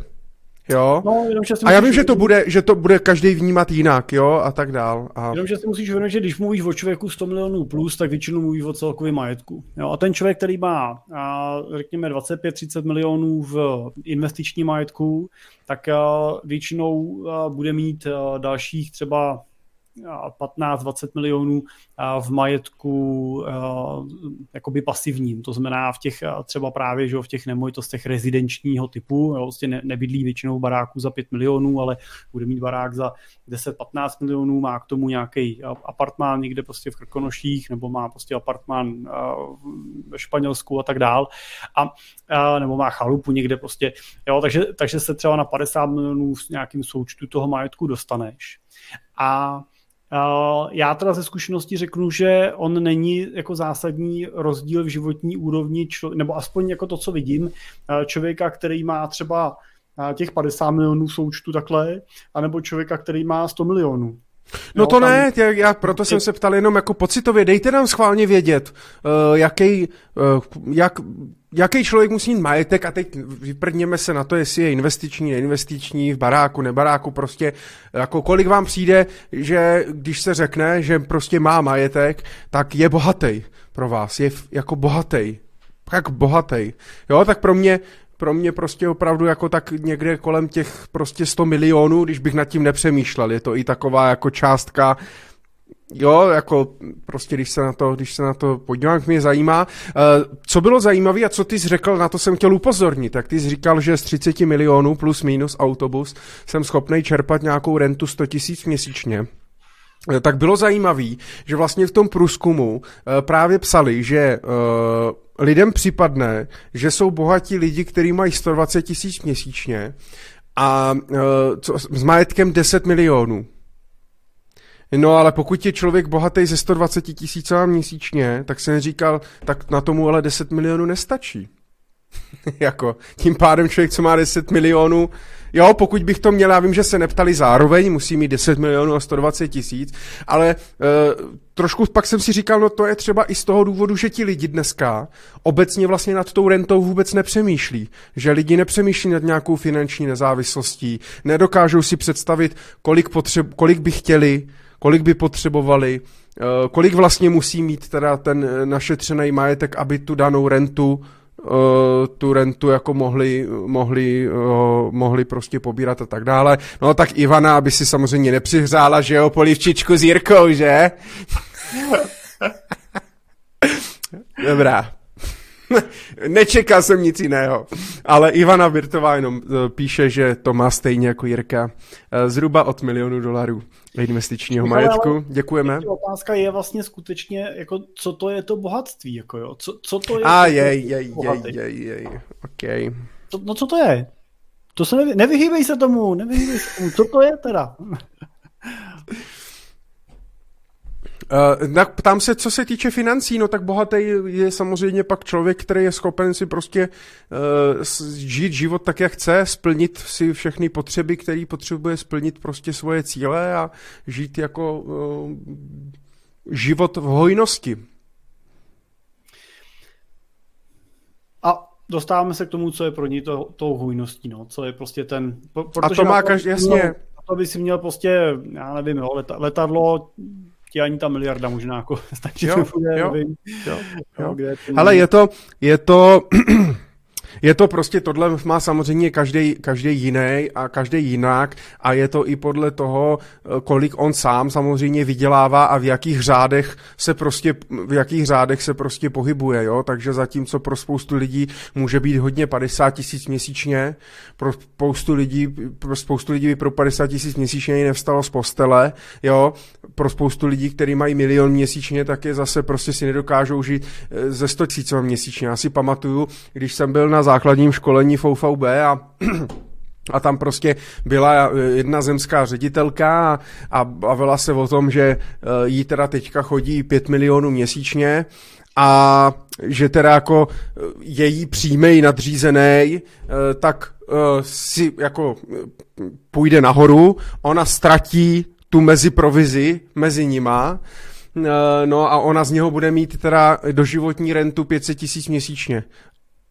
A že teda a jako povídal, jak je to v prdeli a tak v zadečku. Uh, a tak dále, jo. A já samozřejmě tehdy v těch 20, jako jsme tam seděli s těma kolegama a říkám, jako si dělá prdelku, ne? Jako, jako 500 tisíc měsíčně do životní rentu, jo. Jako si dělá srandu, ne? Jako na co si stěžuje, co t... 500 tisíc do život, se zbláznila, ne? Ty na co si, jakože, jako co? Ale samozřejmě v postupem, odstupem času je to vlastně obrovský pád. Jako z pěti milionů, když máš život a podnikání nastavený na 5 milionů měsíčně. A samozřejmě to byl třeba obrat, jo, to nebude brát, že to prostě to má v čistým, jenom na útratu, na kabelky a tak dále, ale spadne na 500 tisíc měsíčně, jak jsem říkal, to je, kdyby člověk, co dělával 100 tisíc, spadne na e, eh, 8 tisíc prostě, nebo na nějaký životní minimum, nebo prostě něco. Jasně, pro ní to samozřejmě neznamená pád jako na sociální podporu, zatímco když spadnu eh, ze 100 na 10, tak, eh, tak prostě spadnu na tu hranici té chudoby a tak dále. Ale takže je to strašně, strašně subjektivní, jako jo, tady, eh, tady toto. Ale zajímavý je, mně se líbilo Ivo Toman, a samozřejmě bude se k tomu muset přičíst inflace, protože už to říkal před nějakou dobu, ale v té knižce o štěstí, to teda nebyla ta, co skupoval, ale eh, když eh, psal, myslím si, teď nevím, jestli kdy on to psal, v jakým, v jakým roce, nevíš? Nebo znáš tu knížku o štěstí? Ivo Tomán, já se schválně podívám. No, to 2014 dokonce, je, Šišmarek, to už je 8 let, co to psal, a, tak říkal, že vlastně štěstí roste přímo úměrně s příjmem, ale jenom do 100 tisíc měsíčně. A pak už je to jedno. Jestli mám 200 nebo 400, je už jako v úvozovkách jedno, protože prostě uh, jde o to hlavně, aby si člověk zajistil prostě základní potřeby jako bydlení, uh, jídlo, vzdělání uh, a nějaký prostě základní věci a tak dále, aby nemusel přemýšlet nad tím, jestli prostě si dá celý rohlík nebo půl rohlíku a kde zaplatí na nájem a pak už je to v uvozovkách jako uh, v uvozovkách jedno. No. Takže jsme se nakonec shodli. Jo?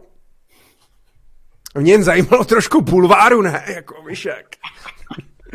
Hele, ale tak já jsem taky jako vyrost, eh, vyrost v multilevelech já jsem, tak... jsem se řekneš v chudobě.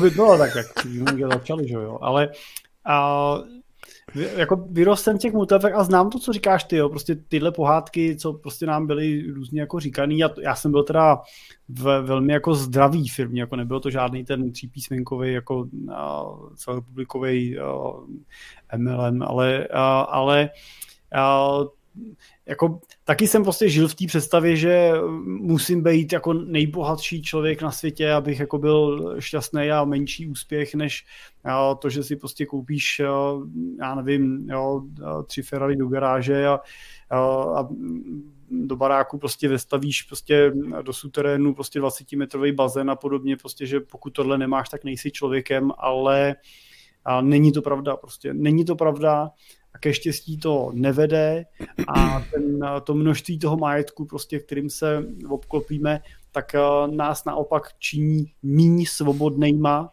a, a a mimochodem zajímavá, jako zajímavá, zajímavá statistika ve Spojených státech dělali průzkum mezi takovými těma ultra high net worth, uh, net worth těma, co mají třeba 10 milionů dolarů ročně příjem a pak těch, eh, co mají ten klasický příjem v těch eh, nižších eh, statisících nebo desítkách tisíc. A zjistili, když dělali průzkum naštěstí, že víc, větší procento lidí je šťastných v kategorii těch normálních nebo těch chudších než těch bohatých. Jo. Takže jako, navíc jako vliv na štěstí míra toho bohatství nemá. Jo. Pokud jako vynecháme kategorii těch ultra chudých lidí samozřejmě pod nějakou hranicí bídy, kde ten majetek zásadně ovlivňuje jako míru spokojenosti a, a štěstí, ale budeme brát nějaký, to, že ten člověk vydělává nějaký normální příjem, stačí mu na pokrytí těch výdajů a má, má teda úspory, které pokryjou jeho potřeby prostě jednoho dne v důchodu, tak to ke štěstí stačí. Jo. Hmm. A je potřeba, Boha... jako realisticky je potřeba přemýšlet nad tím, kdy už mám vlastně no, jo. Jirková klasická otázka, nemáte už dost? To se teďka ptá všech klientů a všech lidí kolem sebe chodí po ulici a nemáte už dost? Nestačí vám to? Já si myslím, že bohatý člověk se pozná podle toho, kolik má doma cukru. no to jsem bohatý. my jsme teda v pohodě, na inflaci jsme připravení, my můžeme sladit jako vesele. Sice nebudeme včeli co žrát, ale my budeme sladký jak cecek. Jirko, nazdílíš nám knihu o štěstí, ptá se Pakon. Jasně, já ji najdu vteřinku. Nenajdu, Jedna. protože mám všechny čtečky, to, že všechny čtečky za můj telefon natáčím, tak já se ani kam podívat, já se zkusím jo, Tak to nevadí, no tak, tak řekni, jak se jmenuje, nebo to nevíš? Já se podívám.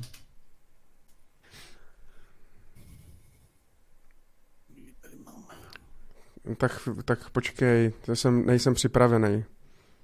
Jakože nejsi připravený to vyplnit ničím, no.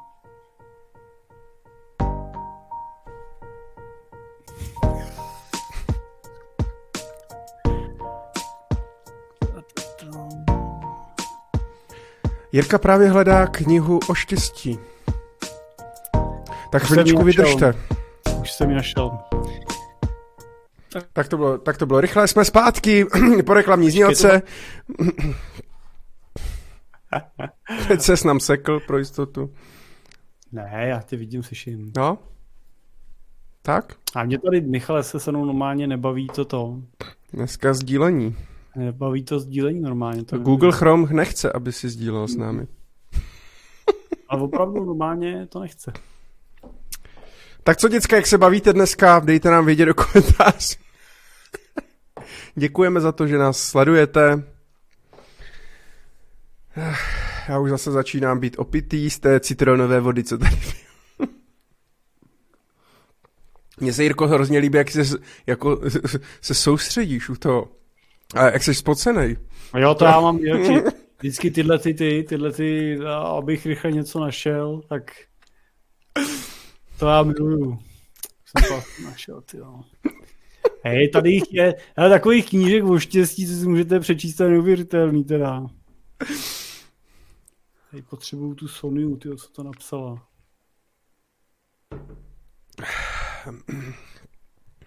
Dobrá. No, už jsem ji našel. to už tady bylo před minutou.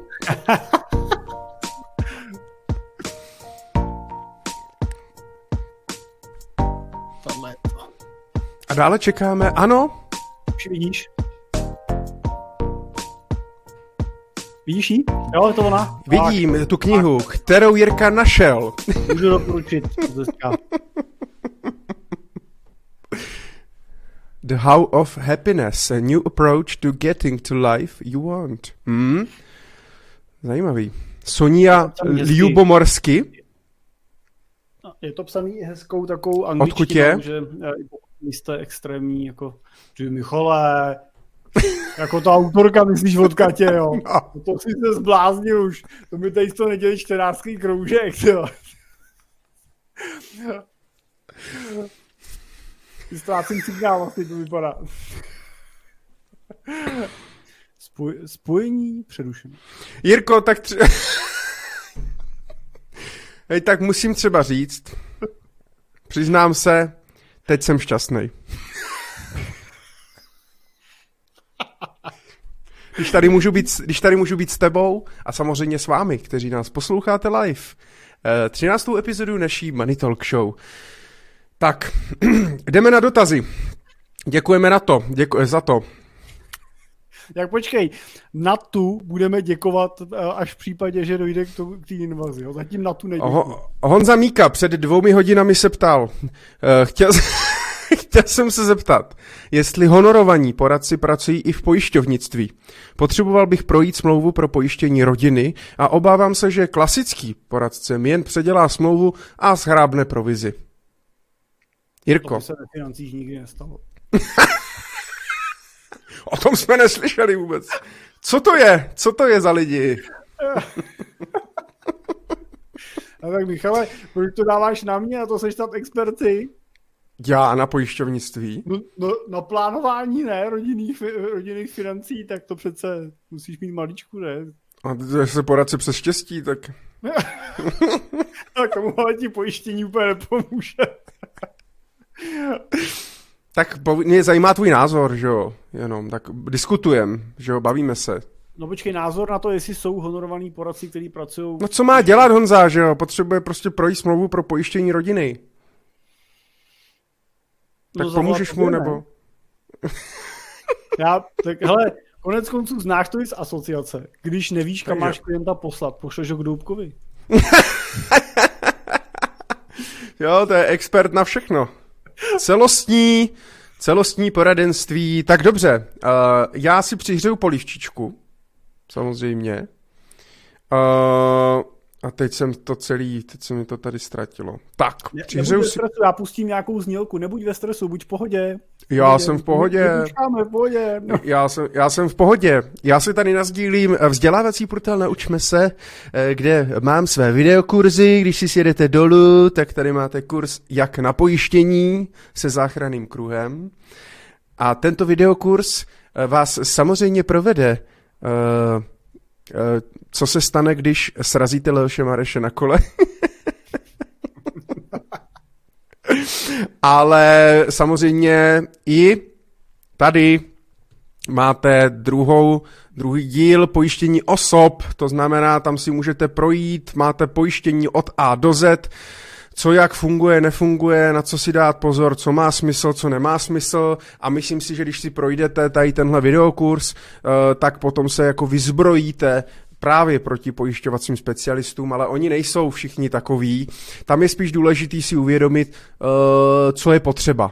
Pak nakonec ono stejně za tím pojišťovacím specialistem budete muset jít, anebo buď do pojišťovny, anebo do nějakým, který prostě má srovnání více pojišťoven, ale e, důležitý je ne to, že zhrábne provizi, ale to, že tu smlouvu nastaví dobře. A blbý je, že u těch specialistů nebo u těch standardních zprostředkovatelů je to, že prostě ten cíl je hlavně jakoby prodat a nemají tolik času a možná ani ne tolik zájmu.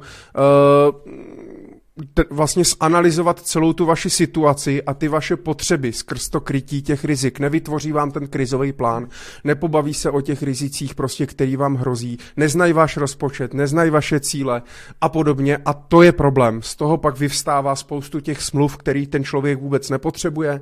Vy můžete zjistit, že životní pojištění třeba vůbec nepotřebujete protože prostě máte nějaký majetek, který byste mohli speněžit v případě nějakého úmrtí nebo invalidity a tak dále, nebo máte nějaký pasivní příjmy, nebo naopak vás ohrožují úplně jiný rizika a podobně. Takže tohle bych jako udělal jako první, vůbec popřemýšlel nad tím, jaké rizika mě ohrožují, proč, kolik bych potřeboval peněz, kdy. Já vždycky jednoduchá otázka, když teď umřete, tak co se stane finančně? Kdo přijde o peníze, kolik budu okay, potřebovat? Okay neutíkej od toho dotazu, protože ten dotaz no? není o tom, jak si to mám spočítat sám. To no tak on se bojí, on to ne, tak bojí, bojí se, že mu to předělá špatně, tak mu dávám jenom teďka návod. A jinak v pojišťovnictví eh, neexistují honorovaní poradci, protože bohužel eh, nejsou bezprovizní pojistky. I když teda teďka No, tak zkusme ale říct, že je tady varianta, Mm-hmm. Myslím si, že třeba můžeme, Michale, říct, že na stránkách eh, Asociace finančních poradců můžou najít uh, lidi spoustu našich kolegů z České republiky, ano. Ano. Který prošli protože Michal je prezident, já jsem v radě asociace, tak nám velká část z nich prošla rukama v nějakých kolech, kdy jsme je do asociace jako členy přijímali, tak věřím, že skutečně najdete tam velké množství opravdu kvalitních poradců a většina z nich je nebo je schopná pracovat v nějaký míře honorovaného modelu. A u velké části z nich je možný se dohodnout na tom, že vám zpracují váš finanční plán i bez dalšího zprostředkování finančních produktů. To znamená, že zaplatíte nějakou jednorázovou sumu v řádu nějakých tisíců nebo nižších deseti tisíců, záleží, jak moc bude ten... to, to je sympatiák, tak, uh, tak záleží, jak bude ten jak bude ten poradce nastavený, na jaký klienty se specializuje, tak podle toho ta cena je. Ale skutečně ty plány začínají v nějakých pěti tisících korun a vejš. A dá se s tím poradcem dohodnout, že to bude bez prostředkování, že prostě zaplatíte za plán, on vám udělá plán a jestli chcete mít jistotu, že nebude ovlivněný provizně, tak se s tím dohodněte, že, tu, že to zprostředkování si vyřešíte třeba sami. Jo, že s doporučením, který od ní dostanete, potom půjdete teda ke konkrétní pojišťovně a sjednáte si ten produkt sami. Pokud mu to takhle řeknete, zaplatíte za ten plán, on vám ho připraví, udělá to takhle teda objektivně, tak pak už nakonec můžete případně mu říct, hele fajn, tak když to takhle připravil, umíš to i sjednat, tak mi to sjednej, ať to nemusím nikde obíhat. A on vám to on vám to pak třeba sjedná. Ale neříkejte mu to na začátku, že to chcete hodně i sjednat. Řekněte mu, že chcete udělat jenom ten plán a že sjednání si uděláte sami. Jo? Ať prostě hmm máte nějakou objektivity. A pak najdete, uh, Honzo, eh, jestli mám správně, jestli si vybavuju, tak jste ze západních Čech, tak tam najdete kolegy, který, uh, který jsou v západních Čechách, můžete se s nimi potkat i osobně. Máme vlastně členy asociace, kteří jsou uh, třeba z Plzně, uh, anebo dneska kolegové pracují napříč republikou, umí pracovat v těch online, online režimech, takže nebojte se uh, oslovit. Ale to, co bych poptával, je prostě ta služba přípravy toho pojišťovacího plánu, krizového plánu nějakého, a ten poradce vám to připraví, zaplaťte za to, No, a ide, ano, ano, na toto, jsou, na toto jsou opravdu ideální ty hodinové sazby, normálně klasickou, buď hodinová sazba, anebo jednorázově projektově, že ten poradce může mít naceněnou prostě tu službu nějak a opravdu to bude formou konzultací, že ten člověk prvně pochopí tu vaši situaci a pak vám dá nějaký doporučení, jak to řešit. Ne doporučení třeba hnedka na konkrétní produkt a tak dále. A do budoucna uvidíme. Do budoucna já teda věřím tomu, nebo by se mi to líbilo, kdyby spíš jsme fungovali v tomto režimu, to znamená, že prostě platili by lidé e, prostě napřímo konzulta- za, za, za přípravu, za konzultaci, za tu odbornost, za to poradenství. A pak by všechny ty produkty byly vlastně třeba velmi dobře, jednoduše sjednatelný tak jak prostě, když sjednávám si třeba cestovní pojištění, tak sjednat si cestovní pojištění je dneska velmi snadný. Blbý je, že já třeba nevím, nemusím vědět na jaký limity, co si tam připojistit, co má smysl, co ne, na co si dát pozor. A na to si můžu zaplatit tu konzultaci u nějakého poradce a pak si to cestovko sjednám sám. Dneska máme tady pojištění e, jako e, Mutu Mutu, máme tady e, Simple pojišťovnu, která myslím si, že ale pořád neumí online, furt mě to slibuje Martin Švec, že to půjde online a mám pocit, že to furt nejde, uh, tak snad se dočkáme. Dneska přišla nebo před pár týdny přišla kooperativa, uh, myslím si, že u svých produktů, že se dokonce ta provize dá i uh, snížit, to znamená, může ten člověk to udělat i bezprovizně, Otázka, kdo to udělá, tak ten, komu to zaplatíte napřímo za to poradenství, tak prostě potom vám to může sjednat bezprovizně. To by se vám líbilo. A o to i bojujem, Eh, jako asociace, bavíme se s těma pojišťovnama a s těma zprostředkovatelema, jaký jsou možnosti, co se týče bezprovizních produktů, protože samozřejmě pak je blbý, když já zaplatím tomu poradci uh, honorář za poradenství a on vám pak ještě všechno naseká, ještě schrábne provizi, jako jo, tak uh, a ještě třeba netransparentně, nebo takže o tom nevíte, nebo něco, tak to je blbý, samozřejmě, ale v tom životním pojištění je toto uh, trošku prostě zatím bohužel složitější. Takže proto jsem začal, vím, že jsem neodpověděl na tu otázku hnedka, omlouvám se, že ten dotaz tak nesměřoval, ale proto jsem tím jenom chtěl začít, že eh, pokud chci eliminovat to, že mě sjedná třeba nějaký špatný produkt, tak je dobrý už jít za tím specialistou vlastně s nějakým plánem, s nějakou představou vlastně, co chci řešit a nenechat se, jo, jít, aby on vám jenom poradil produkt na základě srovnání pojistných podmínek, na základě prostě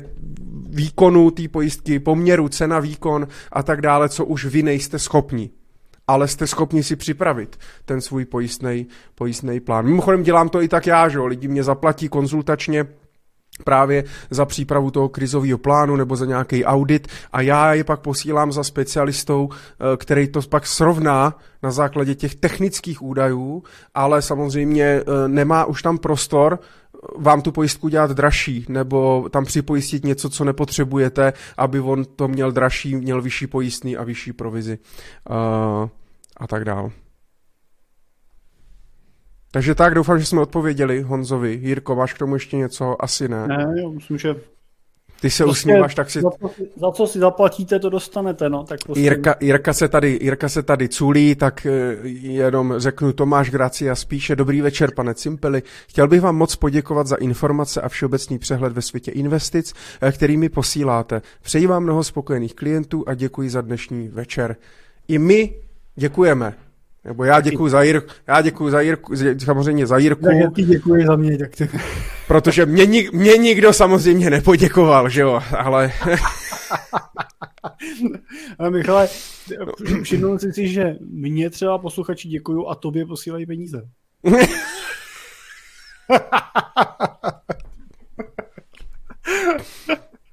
Dobrý, dobrý, pojďme dál. Pojďme na vaše, na vaše dotazy. Eh, Honza Bartoníček píše před dvěmi hodiny. Eh, dobrý večer, chtěl bych se zeptat na váš názor na Radovana Vávru obecně a také na jeho spolupráci s Xixojo. My jsme to řešili už, myslím, minule na Money Talk Show. Tak nevím, jestli se k tomu chceme nějak, jestli se k tomu chceme nějak vracet, nebo Jirko, chceš to nějak okomentovat?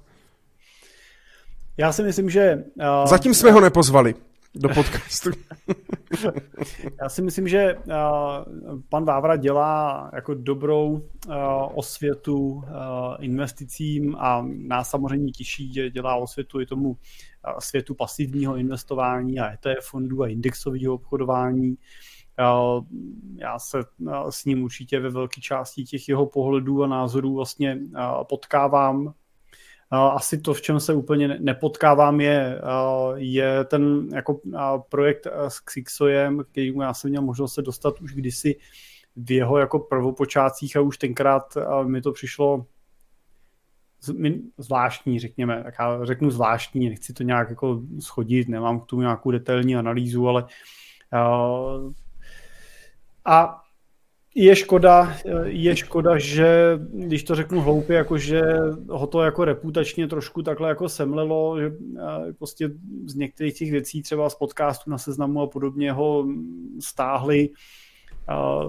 Já si ani nemyslím, že to byl nějaký z jeho strany jako zlej úmysl, nebo že by, že by jako do toho šel, tak jak občas jako říkalo, že prostě Vávra je všude, protože něco připravuje a tohle teď to teda vyšlo a teď nás tady všechny chce jako odrbat o peníze. Já si teda vůbec nemyslím, že tohle byla, že tohle byla jako tam ta myšlenka, akorát prostě se mu to úplně ne, úplně se mu to nepovedlo, no, prostě úplně se mu to ne, ne, nespojilo, úplně jako vhod a to spojení s tím Xixovem se mi úplně šťastný nezdá, no, tak asi takhle bych to jako okomentoval. No.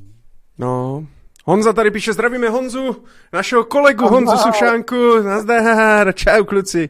Už z něj kvůli Ukrajině vystoupil, zbavil se podílu. Uh, podílu čeho? On neměl přece podíl v Sixero, ne? On neměl nikdy, eh, nikdy přece nic společného eh, s Xixojem, aspoň to, aspoň to říkal, že zatím jenom pozastavil vlastně uh, vydávání emisí těch tokenů a financování teda té firmy uh, Simple Cell. Ale hmm. uvidíme, Uvidíme, no, jako jak souhlasím s Jirkou. Michal, uh... já se jenom zeptám, ten Simple Cell pochopil jsem dobře, co jsem k tomu jako měl možnost si přečíst, že to byla firma, která dělala dálkový vodečty jako uh, elektromíru a podobných věcí. Dělá nějaký to zařízení, no, já úplně přesně nevím, neskoumal mě to, totiž ale... strašně teda musím říct pobavilo, proto, protože co to je o tom, jako uh, někde jsem měl možnost jako si, že o tom mluvil jako o hrozný jako revoluci. Jo, takhle ale... on prej ještě Honza tady píše Bartoníček, že bylo, že dokonce vystoupil koupil i z té firmy jeho, na kterou chtěl získat těch 200 milionů nebo kolik. Tak to je úplně zajímavá informace. No, vidíš. Ale jenom jsem chtěl říct, že mě hrozně jako překvapilo ta, ta myšlenka, že to je revoluční, ale my třeba teď jako prodáváme uh, jako klient, jednomu z našich klientů firmu, která se na to specializuje už, uh, už jako dlouhý a dlouhý roky jo, a úspěšně ji teď uh, úspěšně ji posílá zase dál. Jo. Takže to, já jsem tam nenašel jako nějakou úžasnou přidanou hodnotu, to mě to překvapilo u toho Radované, jako hledal jsem tam nějaký jako jeho jako background, ale To byla investice, co nevyšla. No. A to a se nepro... stává. To se stává, no. Počkej, jak neprodal to přes Xixo, jo? Ale jinak ano, vystoupil přímo ze Simple Cellu. Tak zajímavý, uvidíme, jestli ho seznam vezme zpátky. a uh, ve Vatě opět bude s Radovanou Mávrou. Uh, nevím, uvidíme. Já vlastně jako nemám vlastně na něho žádný názor, já ho nikdy neviděl, nikdy jsem se s ním nebavil. Je to prostě, je to prostě typický, typický podnikatel z devadesátek, takže ho tak člověk samozřejmě musí brát. Je to člověk, který prostě se snaží využívat různých investičních příležitostí a podle mě má strašně moc rád peníze. Takže, takže a podle toho, podle toho se prostě chová, ale zatím nemáme žádné informace, že by dělal něco ilegálního nebo že by někde někoho okrádal a tak dále. Takže... musím říct, že eh, mě trošku překvapilo, když jsem poslouchal teď poslední díl podcastu ve Vatě na seznamu, který teda eh, startoval Radovan Vávra vlastně, že jo, s tu, uh, uh, tou novinářkou Bidermanová se tuši jmenuje. Nevíš, mm-hmm. Markéta Bidermanová. Markéta Bidermanová, tu víš všechny ty jména. Uh, tak uh, mě překvapilo, že tam teď byl někdo, uh, nějaký analytik, tuším, že to byl z člověka tísni a řešilo mm-hmm. se jako, když ty peníze jako nemáš, jo, tak jak dělat ten rozpočet a podobně. Jenom jsem si říkal, že mi to úplně nekorespondovalo s tím, s tím názvem teda uh, ve vatě, že ten Vávra mi tam možná seděl líp, ač to byl teda zajímavý díl podcastu, jo, to ho nechci jako schodit ten podcast. No, pro mě, pro mě jako člověka, jako experta na rodinný rozpočet moc ne, teda. Říká, ale tak. Případně bychom teda, pokud nás Markéta poslouchá, tak bychom doporučili Michala. Jo, anebo Radek, když si nás poslouchají, nemají co dělat v pondělí večer, tak. No, tak asi jak nás poslouchá pan Rusnok třeba tak dál. Ale Uh, takže tak, no, jenom samozřejmě zase, že jo, zase spíš se řešilo za prvý propojení s Xixojem, i když s tím nic neměl společného a on říkal, chci využít jenom tu technologii, tak tím, že prostě Xixo je kontroverzní a tak prostě to byla jedna věc. A druhá věc je, od jakých zase typů investorů, on sice říkal všude, je to rizikový a tak dále, dejte mi jenom peníze, který, o který můžete přijít a podobně, tak otázka, jaký typ investorů by to prostě financoval, protože nedělám si iluze, že by zase si ty tokeny nakoupili byli prostě, mm, prostě nekvalifikovaní investoři, kteří by často tomu oni třeba nerozuměli a nakoupili by to prostě jenom, jak se říká, na ten jeho ksicht prostě, jo, a nebo někdy spíš na ten jeho hlas, prostě na to, že to je prostě vávra. Takže to celé dohromady bylo takový divný, uvidíme, co z toho, co z toho vznikne a jdeme dál. Jirko, hodím ti tam dotaz, já musím jít na záchod, protože jsem tady vypil asi litr a půl citronové šťávy a Uh, už to nevydržím. Uh, takže uh, pak on tady píše, uh, už před pár lety se nám nelíbilo, že jsme tak blízko Ruska. Nemáte náhodou zkušenosti, typy, triky o založení účtu v zahraniční bance? Co říkáte na myšlenku celkově? S tím se potkáváme poměrně oba dva hodně často, že lidi se nás ptají na to, jestli náhodou si pro jistotu nezaložit někde nějaký účet v zahraničí, někde u nějaký cizí banky, tam mít třeba nějakou rezervu a tak dále, prostě mít nějakým způsobem alokovaný ty peníze někde, někde jinde. Tak Jirko, co si, co, co si o tom myslíš, jak, jak, nad tím, jak nad tím přemýšlíš, uh, co bys případně doporučil? Jak říká Michal, je to samozřejmě téma častý, ta otázka se nabízí. Zase, když to vezmu teda z naší praxe, tak ten náš investor, který přichází, tak přichází s tím požadavkem té ochrany toho majetku a on je většinou situací, kdy většinu majetku má v Čechách, nemovitosti, podnikání, nebo třeba důchod a další prostě věci mu chodí, chodí z Čech. A jedním z těch prvotních jako požadavků je vlastně diversifikovat to riziko mimo Českou republiku. No, a nabízí se právě i to otevření účtu vlastně v zahraničí a držení těch investic vlastně na zahraničním investičním účtu. Takže my třeba máme typicky všechny investiční platformy, které používáme zahraniční, lucemburskou, slovenskou, samozřejmě slovenská teď je taková trošku exponovaná k tomu Rusku víc, švýcarskou a tak dále. Takže ten klient si může, může vybrat může vybrat platformu a jurisdikci, anebo diversifikovat mezi jurisdikce, které mu vyhovují. A tohle je případ otevření nějakého investičního účtu, to znamená využití nějaké investiční platformy, na který on, on ty svoje peníze fyzicky pošle a ta platforma vlastně potom dělá toho takzvaného kastodiána, to znamená fyzicky vlastně pro něj eviduje ty cený papíry, který má nakoupený, plus hotovost, kterou tam třeba má v tom okamžiku poslanou. A to se dá udělat velmi, velmi jednoduše, obsluhovat co to dá všechno samozřejmě z Čech. A úvaha potom otevření klasického bankovního účtu je taky asi z tohoto pohledu zcela jako relevantním pohledem. Je spíš potom otázka, k čemu by ten účet sloužil. Pokud by šlo jenom o peníze, které si tam pošlete a necháte je tam ležet, tak samozřejmě musíte zvažovat, v jaký měně to uděláte, takže když tam pošlete no, český, a ono to je jedno dneska, jo, český koruny, eura, dolary, jo, ta inflace prostě je napříč vlastně tím globalizovaným světem, tak ta hotovost, která vám tam leží, tam bude prostě samozřejmě ztrácet na hodnotě.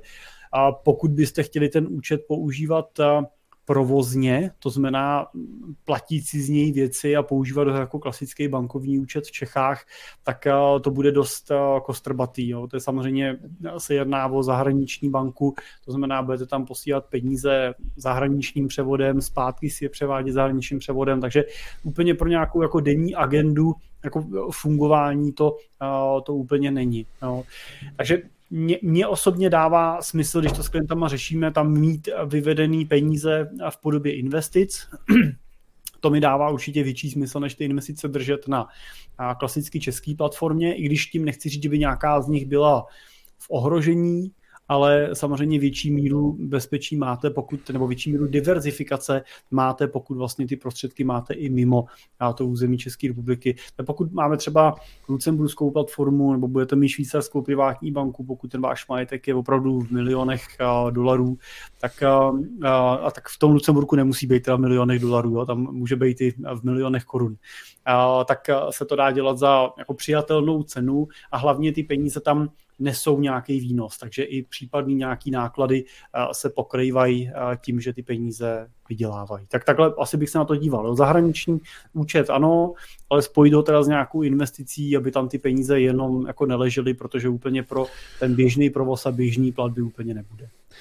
No a že bavili jsme se s kolegama, že se dá samozřejmě zase, já i když jako Švýcarsko jasně beru, co se týče nějaký neutrality a tak dále, pořád je to Evropa, to znamená zase dneska z toho geopolitického pohledu. Ale tak, není to Evropská unie, Michale. O, jako jo, ale prostě tak ta raketa tam může asi možná snadněji doletět víc než do Ameriky, tak prostě Dobře, no. Ano, v případě válečního konfliktu jaderných střel Švýcarsko srovnáš se zemí možná o něco slandější. Na druhou stranu oni jsou hodně kopcovitý. Takže bych šel možná, možná zase bych šel blíž jako té Americe, ale spíš jako zase na rovinu si řekněme jako u, u jakých majetků Eh, se prostě jako bavíme, že prostě tady řešíme eh, offshory a řešíme účty ve švýcarských bankách a zakládání účtů v Americe a, a, a diverzifikace a tak dále, jo.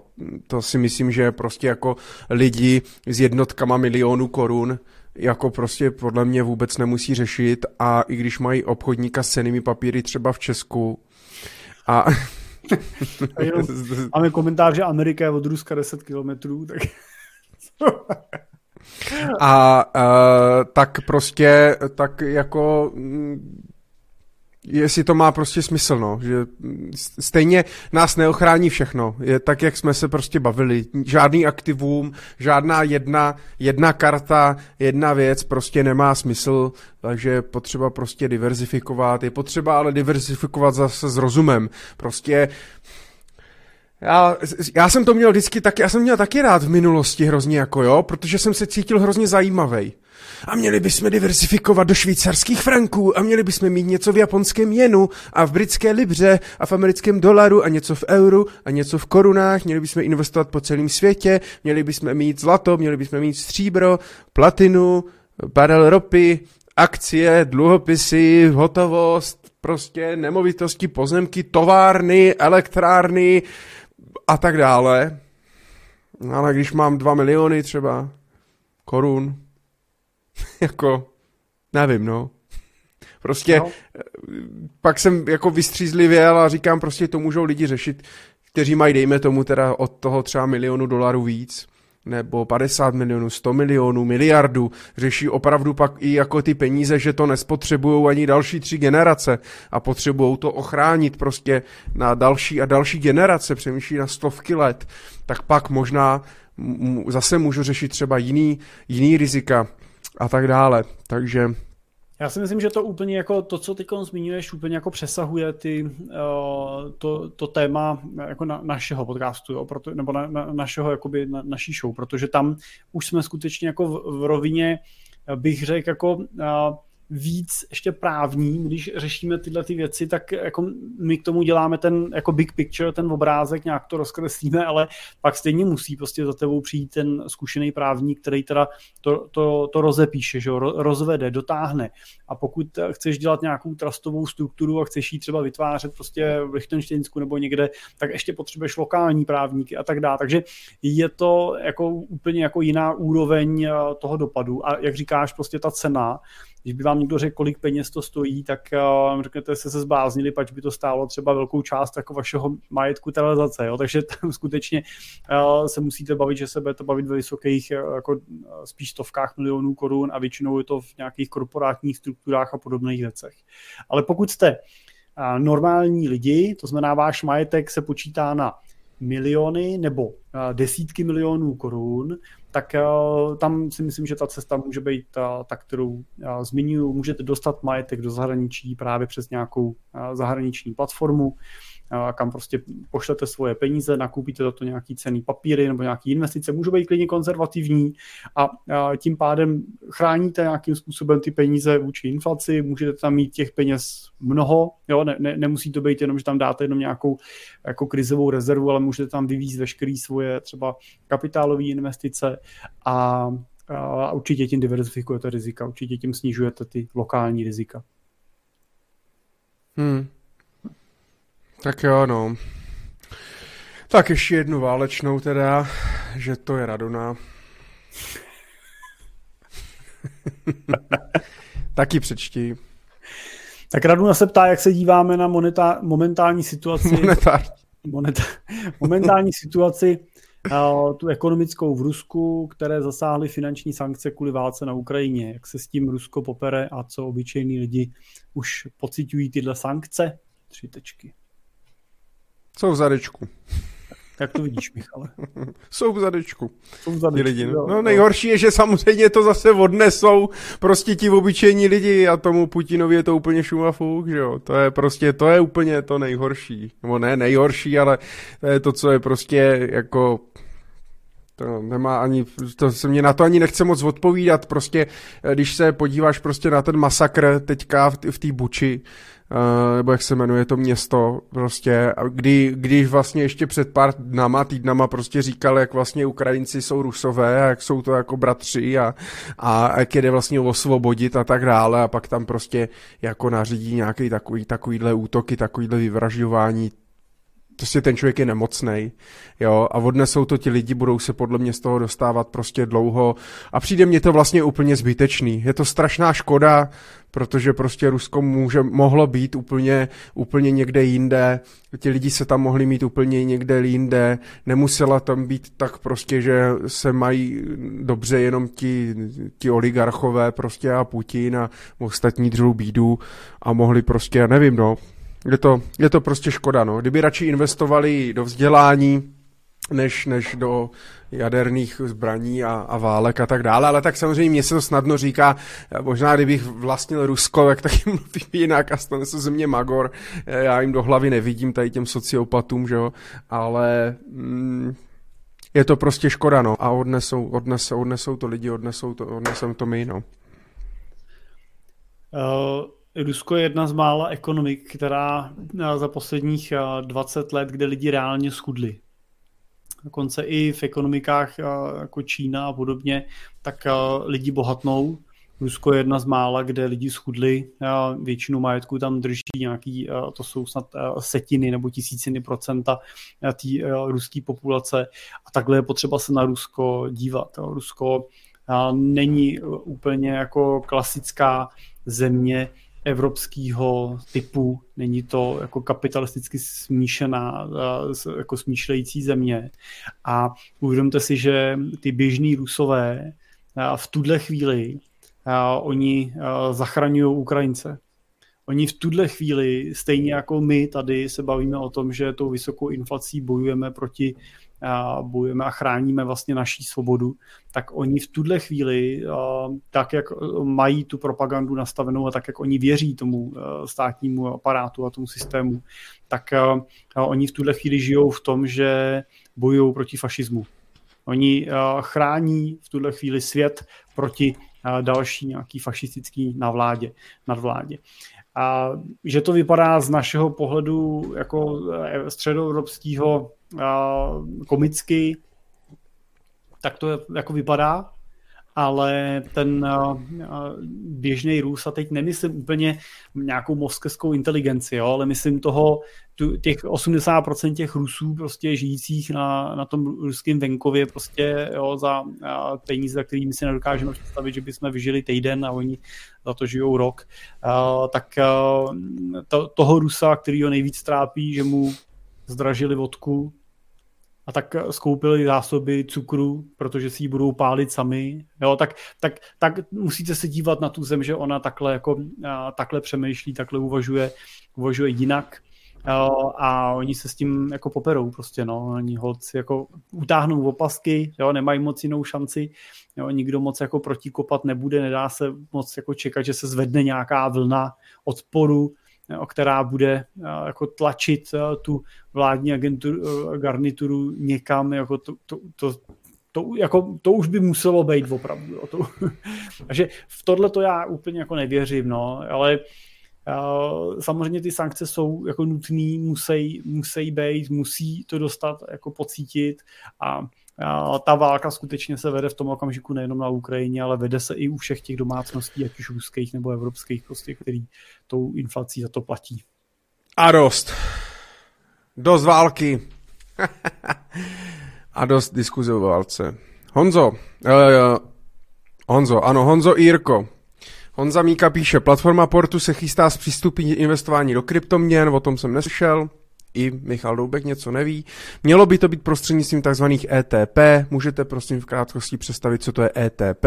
Tak pokud vím, tak ETP e je jenom jako nadřazený pojem jako Exchange Traded product, Products, pod který spadá již známý ETF nebo ETN nebo ETC, to znamená prostě jsou to burzovně obchodované produkty. Uh, neslyšel jsem o tom, že by Portu uh, teda mělo zařadit nějaký, nějaký ETF na, na, na Bitcoin anebo na krypto. Jirko, ty jsi o tom, ty jsi o tom slyšel? Um, Neslyšel jsem eh, o tom, že by mělo Portu zařadit, ale prakticky eh, je to možný. Protože... No mluví, jako mluví se o tom samozřejmě dlouho, čekalo se, že jo, samozřejmě i jako, jestli se asi dají nakoupit pravděpodobně ne tady v Evropě a jaký, zatím teda nemáme, zatím teda nemáme jako spotový ETF na Bitcoin, všechno se to obchoduje na futures. A... Je to, je, je to možný, jenom, jenom dokončím myšlenku, je to možný, a protože jestli mám správné informace, tak Portu v podstatě většinu těch věcí obospodařuje z pozice jako asset managementu a, a tím pádem a, si myslím, že může do toho portfolia nakupovat i, a, a, i pozice, které třeba nejsou úplně určený pro tu veřejnou distribuci, protože je umístuje do svého portfolia, který přes jako asset management aktivně obhospodařuje. Ehm, eh, a díky tomu si může, eh, může sáhnout eh, do toho portfolia zřejmě i na ty pozice, jako institucionální investory, na ty pozice třeba právě kanadských nebo amerických ETF nebo ETP, který jsou prostě na ty kryptoměny stavěny. Jenom jestli koupit krypto přes, přes cený papír nebo koupit napřímo, já si třeba myslím, že nákup přes dobrý cený papír jako nemusí být vůbec špatná varianta z jednoho prostého důvodu a to jsou daně. Že? No, protože mám spoustu klientů, kteří koupili před pár lety Bitcoin jako takovou zajímavost do portfolia, dali do něj milion, milion a půl a dneska z toho milionu a půl mají těch milionů 10, 12, 13, 15, když pak nikdy v čase dokoupili. A ono je to docela nepříjemný jako z pohledu úvahy nad daněma, že? protože když prostě to krypto pak klasicky prodáte, tak vlastně z toho zisku zaplatíte, zaplatíte tu 15% daň, když to pokud ho koupíte přes cený papír a splníte daňový test, to znamená přesáhne to držení toho ceného papíru tři roky, tak vlastně můžete tu investici podržet i bez té daňové povinnosti. Jo. Takže z tohoto pohledu to může být zajímavý, ale samozřejmě je potřeba být opatrný a vědět, co kupuju, aby to nebylo napákovaný, jo, aby tam, jako co tam je za mix těch měn, jak je to zpravovaný a tak dále. Jo. Pokud prostě dneska nejsou úplně, myslím, zatím evropský ETF na to, většina z nich jsou ty americký nebo kanadský, tak zase jaká je tam legislativa, jak se budete domáhat peněz, kdyby se něco stalo a tak dále. Takže tohle je určitě dobrý zvážit, ale jako v principu věci to není úplně špatná úvaha. Jo, už jsem to jenom našel tady v portu Rychlovce, na portu v blogu, tak o tom mluvili v, mluvili v podcastu nebo na videu, tak to jsem ani nepostřehl. Uh, teď to asi bude pravděpodobně i jako samostatná, samostatná služba, nevím, jestli to pak budou dávat i jako do portfolií, uh, čistě, čistě jako na portu. Proč ne? Člověk si musí vždycky jenom jako vždycky jako uvědomit, uh, proč to chce kupovat, co to má vlastně v tom portfoliu jako dělat, jakou to má mít prostě jako úlohu. A pokud vám to zapadá do té strategie, tak proč ne? Jirko, vy budete používat ETF na Bitcoin, pokud budete moct? Co no, říká Dan Majstrovič, investiční analytik společnosti Simple a partneři? Já osobně pochybuju, že nějaký ETF na, na kryptoměny a bude v dohlední době schválený Českou národní bankou k veřejné distribuci, takže ale jako v obecní rovině bych řekl to, co jsem říkal, že z daňového hlediska to může mít eh, smysl z pohledu likvidity, nějaký bezpečnosti, pracnosti eh, s tou zprávou, nemusíte mít ledger prostě a podobný věci. Já vím, že to není jako složitý, ale pro spoustu lidí není úplně jednoduchý prostě na kryptoburzu, poslat tam prachy, nakoupit to, přehodit si to do peněženky, pak to mít v ní, že si ty hesla a tak dál. Takže tohle může být velmi jako easy, jednoduchý nástroj do toho nastoupit. A uh, jako um, asi to může být, proč ne, když prostě uh, to bude nějaký fajnšmerker, který prostě tam chce tuhle pozici mít. A na druhou stranu, pokud se bavíme o našich klientech a bavíme se o ochraně majetku, tak uh, to nepovažuji v tuhle chvíli jako nezbytnost, jako nutnost, spíše to pořád no. Jenom je, jenom je otázka, zajímalo by mě, co by si o tom mysleli Bitcoin maximalisti, protože to vlastně jako v úvozovkách koupit si jako Bitcoin přes futures v etf vlastně jako popírá, proč bych si měl koupit Bitcoin.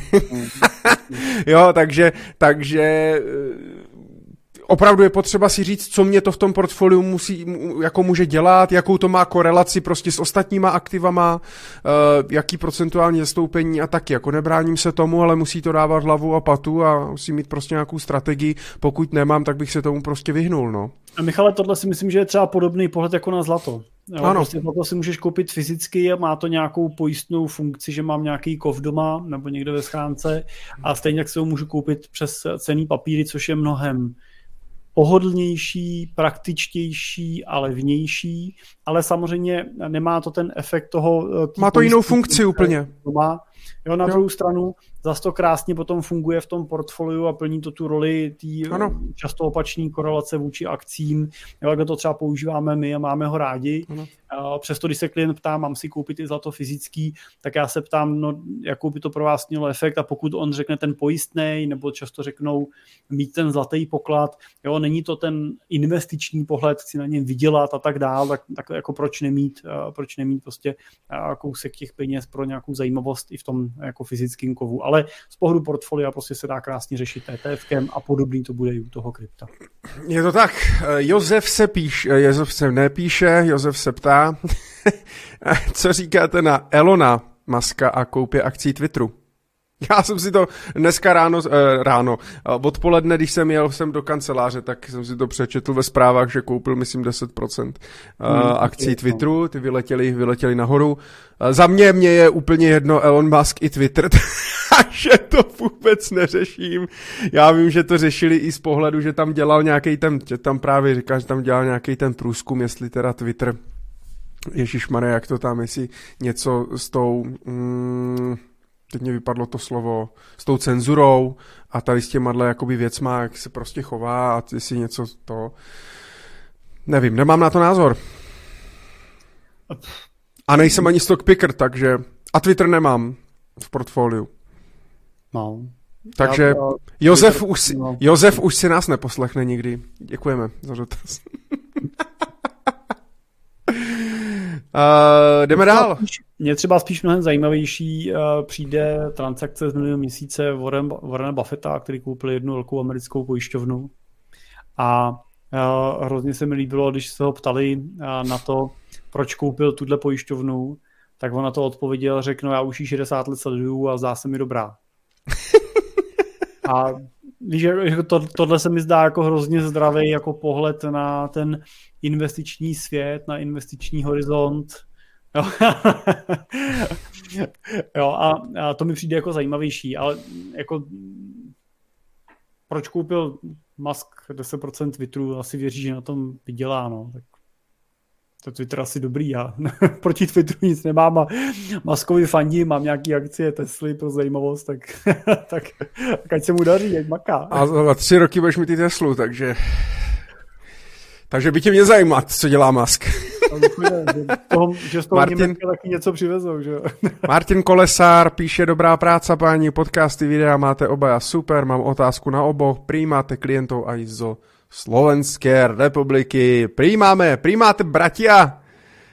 Ano, samozřejmě. Máme spoustu bratia ze Slovenské republiky mezi klienty. Jirka jo, já ne, a tím je to vyřešený. Ty to máš, ty to máš daleko, veď? Na to ne, nemám to daleko, já mám hodně, hodně Slováků, kteří žijou tady, ale třeba, eh, ale třeba člověk, jednoho klienta, který prostě se vrátil zpátky a našel si Slovenku a žijou tam, eh, na Slovensku, tak jsem prostě jako mm, doporučil potom jinému poradci, protože u mě je to mm, složitější v tom celostním pohledu, nebo v tom komplexním pohledu prostě už jenom tím, že na Slovensku jsou jiný zákony, jiný pojistky, jiný důchod, trošku jiný produkty eh, v eurech jo, a tak dále. Ty, když se na to díváš z pohledu toho investičního, tak ještě když vaše hlavní platforma je na Slovensku a normálně můžete platit v eurech a tak dále. Já vlastně jedni moji klienti, kteří právě takhle jsou Slováci a chtějí se odstěhovat zpátky na Slovensko a mají tu platformu uh, slovenskou, tak jsem říkal super, můžete zůstat prostě u Jirky a můžete vlastně na té platformě fungovat dál a nic se pro vás nezmění, tak je to zase trošičku prostě jiný, uh, jiný, jiný pohled eh, na to. Takže pro mě je to v tomhle složitější. Já samozřejmě taky bych mohl, že jo, jako přijímat eura, stej, ty ETF stejně nakupuješ dolaru potom. Takže ta směna je jedno, ale jako z toho komplexního pohledu nebo z toho typu poradenství, který dělám já, tak je to prostě pro mě složitější pro lidi, kteří žijou a všechno mají na Slovensku. Jo. Co tam hledáš? Nic tady nehledám, už jsem přišel na to, že to sdílení. OK. A máme tady další dotaz. Uh, jaký máte názor na dividendové aristokraty, když přemýšlím o investování do nějakého dividendového akumulačního portfolia? To je zajímavý, uh, to spojení. Není volba nějakého fondu, fondu s aristokraty pro růst portfolia nejlepší? Díky. Je to zajímavý, veď? Akumulační dividendový portfolio, tak je zajímavá, zajímavá cesta. No, samozřejmě dividendový aristokraty můžete kupovat přes ETF fondů, je jako celá řada ETF fondů, které se zaměřují na, na dividendový aristokraty. Dokonce existují nejenom dividendoví aristokrati, ale i dividendoví králové. Dividendoví aristokrati tuším vyplácejí dividendu nepřerušeně 20 let a dividendoví králové dokonce 50 let. A je i řada firm skutečně tohoto kalibru, který tu dividendu vyplácí takhle dlouho. Uh, jestli chápu dobře, pokud jako zvažujete tu akumulační portfolio, tak uh, nevím, jestli tu dividendu si vůbec budete nechávat vyplácet. Jo, pak prostě jenom přemýšlet na tou třídou toho ETF, aby teda ji automaticky reinvestovalo, ať nemusíte ji nakupovat vy sami, ale to reinvestují oni automaticky nákupem dalších těch pozic, ať využíváte toho efektu složeného úročení. Uh, ale jako obecně názor je to prostě jako samozřejmě strategie prostě zaměřit se na ty dividendové tituly a uh, je fakt, že je fakt, že těch posledních deset let se jim úplně nedařilo jestli prostě, eh, je otázka, jestli prostě vybírat speciálně jenom dividendové tituly. Já mám trošku pocit, že pak ty portfolia jsou strašně složitý, jo? že prostě eh, vy tam se to snažíte koupit dividendové tituly, pak koupíte ještě nějaký růstový uh, fondy, uh, pak koupíte nějaký technologický, pak ještě si tam mixnete trošku Ázie jo? A, a, a najednou vlastně uh, je to jako komplikovaný a říkám si, jestli není opravdu jako jednodušší varianta, tady už padalo v komentářích prostě koupit si S&P 500, což je teda Amerika, anebo my třeba používáme, používáme index MSCI World, na to je spousta ETF, my používáme iShare, prostě jsou to obrovské ETF fondy s minimální nákladovostí a ten fond vám drží prostě 17 největších firm na světě na tom develop market uh, trhu. A máte tam jak ty dividendové krále, tak tam máte i ty firmy, které třeba nevyplácí dividendy, ale ale rostou třeba jako průběžně nebo realizují ten výběr nebo ten výnos s pitnýma odkupama, protože prostě doba dividend taky prostě před jako 20 lety byla, byly dividendy nějaký, dneska i z daňových důvodů prostě i ta Amerika velkou část toho výnosu vyplácí těm investorům právě v podobě zpětných odkupů akcí hmm. a tím pádem růstu ceny akcie, což je pro ně z daňových hledisek výhodnější. Takže to, to, to je jenom čistě úvaha, ale možná to máte prostě promyšlený a víte přesně, proč ty dividendy chcete a pak jenom jako můj názor na ně je jako neutrální, je to, je to pozice jako každá jiná, neuděláte špatně, když si do toho portfolia zařadíte, jo, jestli bude reinvestiční nebo akumulační, už vyberte potom podle třídy toho ETF. Otázka zase asi v jaký fázi člověk toho života prostě je. Jo, proto znamená prostě, co je vlastně jako lepší, jestli vlastnit Coca-Colu, která prostě uh, jako vyplácí třeba dobrou dividendu, ale moc neroste, nebo Apple, který vyplácí nic moc dividendu, ale roste. Prostě jo, to jako, a bavili jsme se i moc krát v předchozích dílech, prostě, že mm, záleží prostě v jaký fázi jsem, jestli už čerpám tu rentu, nebo jestli jsem ve fázi té akumulaci prostě uh, toho, toho majetku uh, a tak dále. A co o tom máš, očekávám? To máš pravdu, uh, ale i tak, pokud my, my třeba využíváme tu strategii, kdy uh, i rentiéři čerpají rentu v průběžnýma odkupama. Jo, hmm. což prostě má svoje daňové kouzlo, Jo, protože pak jsme schopní ten výběr a to čerpání té renty realizovat bez daňové zátěže. Jakmile vybíráte dividendu, vždycky bude minimálně 15% sražená ta daň a za, pokud máte dividendu na zahraničních akcích, uh, tak ještě musíte počítat s tím, že ta daň tam většinou je sražená větší jo, než 15%, jo, třeba 20, 25, 30%.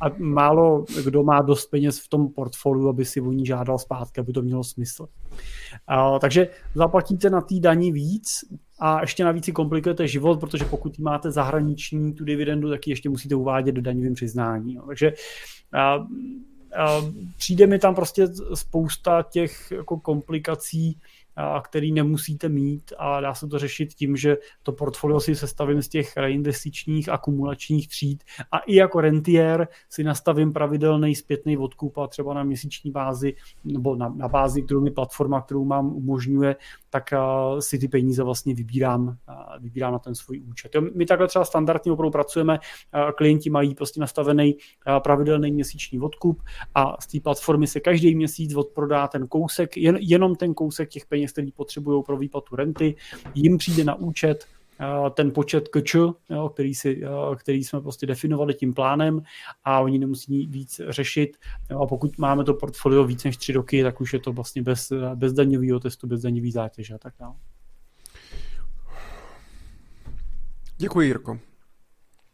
Prosím, Michale. Dámy a pánové, odbavili jsme všechny dotazy. No a e, zase přetahujem. půl, jedenáct, půl jedenáct. Já jsem chtěl ještě, e, co mě zaujalo, mm, nemá to nic společného teda s investicema, ale uh, konečně se spustil v Česku první obchod budoucnosti bez obsluhy, Uh, dokonce od kopu, to bylo, vlastně hrozný překvápko. Ono už se o tom psalo, psalo dřív, ale teďka konečně, konečně to teda oficiálně spustili, takže v Praze už si můžu nakoupit uh, úplně sám bez obsluhy.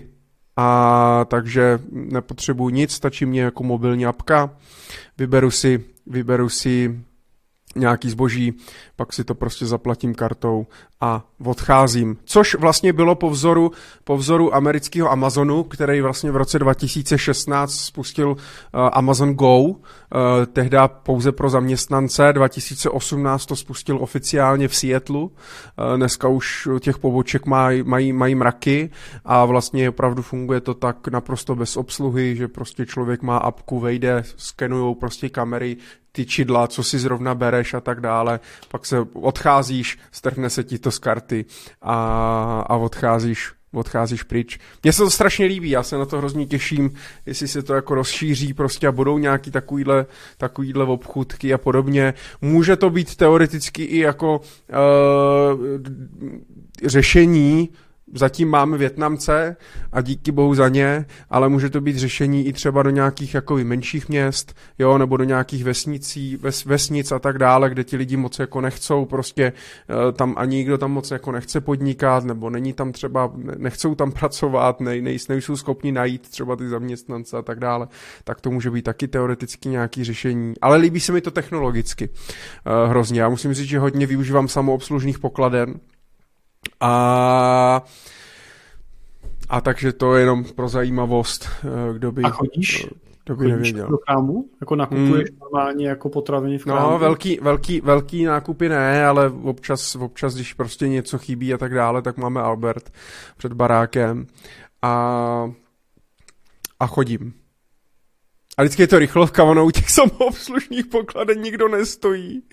Takže vždycky jenom pip, pip, Hotovo, su- jako musím říct, že albertácký pokladny jsou super, Teskový úplně nenávidím, ale albertácký jsou super, protože důvěřujou těm lidem. To znamená, že vlastně nemusíš ten nákup eh, dávat na tu jako na, na, na, na tu podložku, na tu druhou stranu a čekat, než prostě zjistí, že se to, to, jestli, to, jestli to je ono, kolik to zváží a tak dále, to trvá. V tom Albertu to rovnou můžeš prostě strkat do tašky, jak chceš, nebo rovnou do kapsy, pak jenom zaplatíš. Mají i super vyhledávání, mají prostě, nevím, jestli mají nějaký lepší software, ale i prostě strašně snadno. Já dneska už, když něco kupuju, tak vyhledávám pomocí jakože vyhledat, a napíšu prostě do klávesnice, jo, rohlík, tak napíšu RO a už se mě objeví a klikám, než abych to hledal podle těch obrázků. Je to hrozně rychlý, dobrá odezva, rychle zaplatím a odcházím. Hele, a tohle je, je takový zvláštní, když nad tím jako se zamyslíš, jo, to je takový zvláštní paradox. A to až bude jednou vyprávět někdo prostě, že jo, tak se tím budou hrozně bavit, protože budou, uh, budou říkat, hele, my jsme normálně v krámě jo, zrušili prodavačky. Normálně jsme nechali ty blbečky, ať to tam natíkávají místo nich. Ty, a oni z toho byli nadšení ještě, ale to bylo super. Oni normálně tam...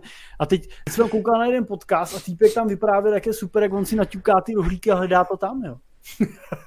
já, já jsem možná stará škola, jo, teda, ale uh, jako takhle, když si nesu nákup o dvou věcech, tak si to klidně pípnu na té samoobslužce, jo. Ale, ale vlastně, já, já, když pak jdu s tím plným košíkem, jo, tak představa, jak to tam ne, jako... to jasně. Prostě píp, Jo, píp, teď to ne.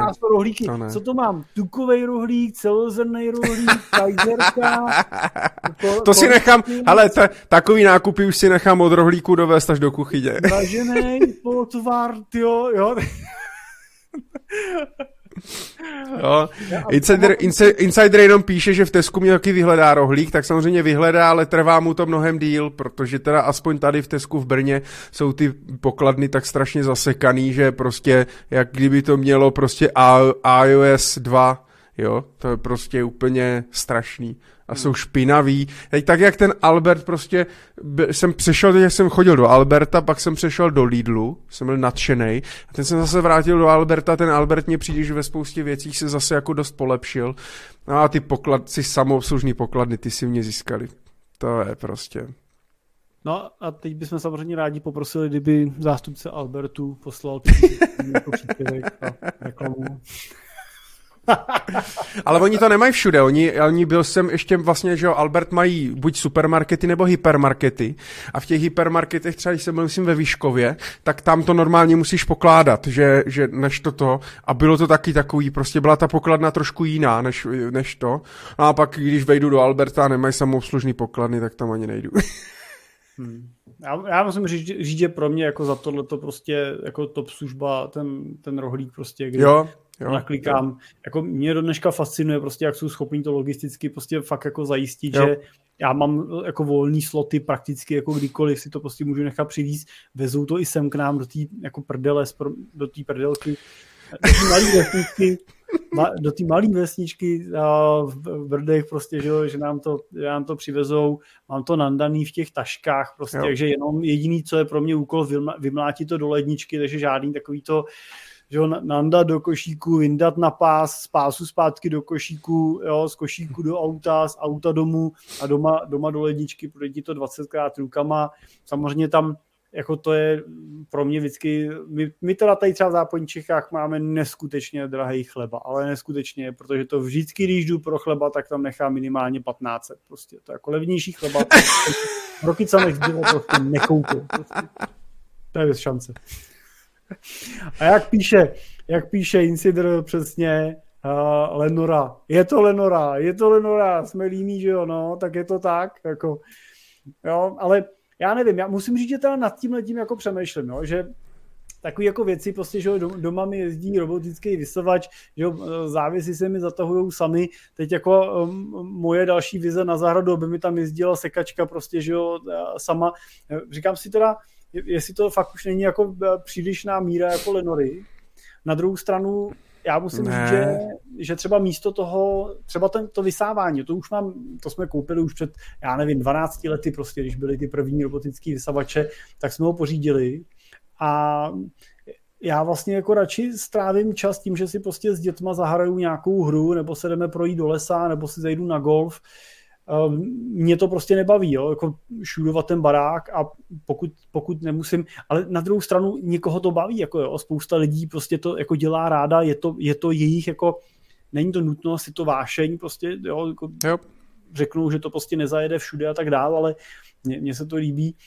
Takže, takže hledám jako tu, ty, ty věci, které mi ten život jako zjedno, zjednodušují já musím říct, že jsem do dneška fascinovaný lidma, který, a, a to jsem měl pocit, že už není, ale furt, když se podíváš prostě o víkendu, šedeš kolem v obchodáku, jak jsou narvaný prostě, mm. jak se mm. nedá zaparkovat, jo.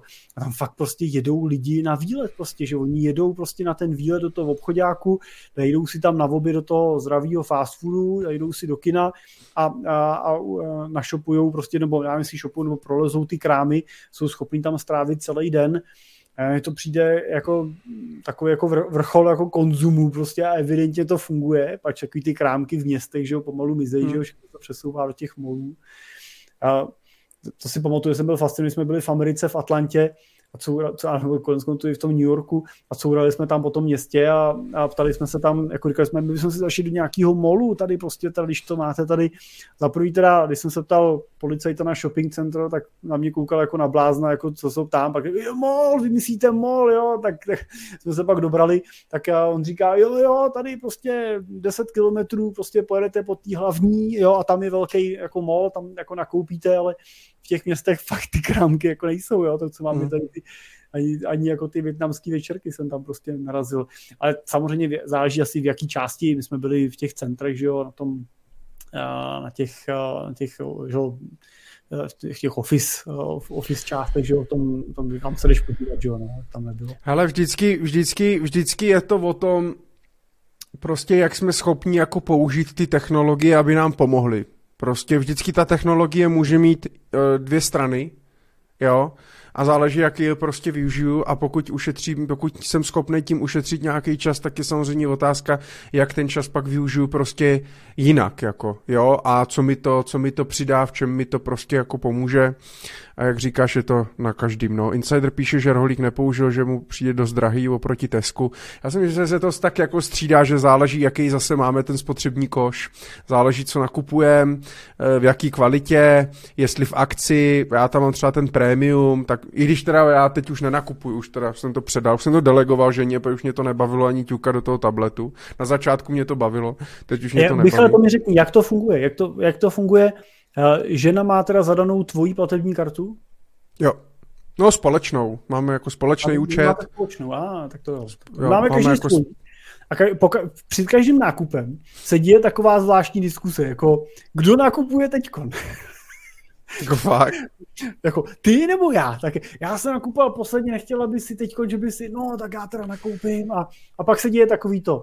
Ale a vem, vem, i to, vem to mango dvakrát a ten ananas, vem, vem ten, a, ta, a vždycky se ozývá, hele, objednej si to, až budeš nakupovat ty, jo, si do toho, tak my, my, to máme, my to máme. Ne, je to, je to, jako musím říct, že třeba ten rohlík je fakt jako uh, revoluční, jo, že prostě samoobslužný, pokladný, dobrý, ale to byl spíš jako trend právě skrz, uh, tu, skrz že nemohli sehnat třeba ty zaměstnance, uh, nebo skrz ty platy, které oni museli nabízet a tak dále, jo, uh, ale ten rohlík je fakt revoluční v tom, že i, i tak píše Insider Globus, Kaufland, tak je, máš takový ty čtečky i v Tesku, že jo, a prostě jedeš rovnou v košíku, ale musíš ty volej do toho nákupáku, musíš to tam projezdit, prostě musíš to tam vzít, musíš to odvést a tak dále a, a, a to je ten problém. A ty úplně samoobslužný obchody, jako, ale je to, zajímá mě to z té té technologie, to vlastně jako super, jak ty čidla, jak to, jasně, všechno je na kameru, všechno, všechno prostě vidíš,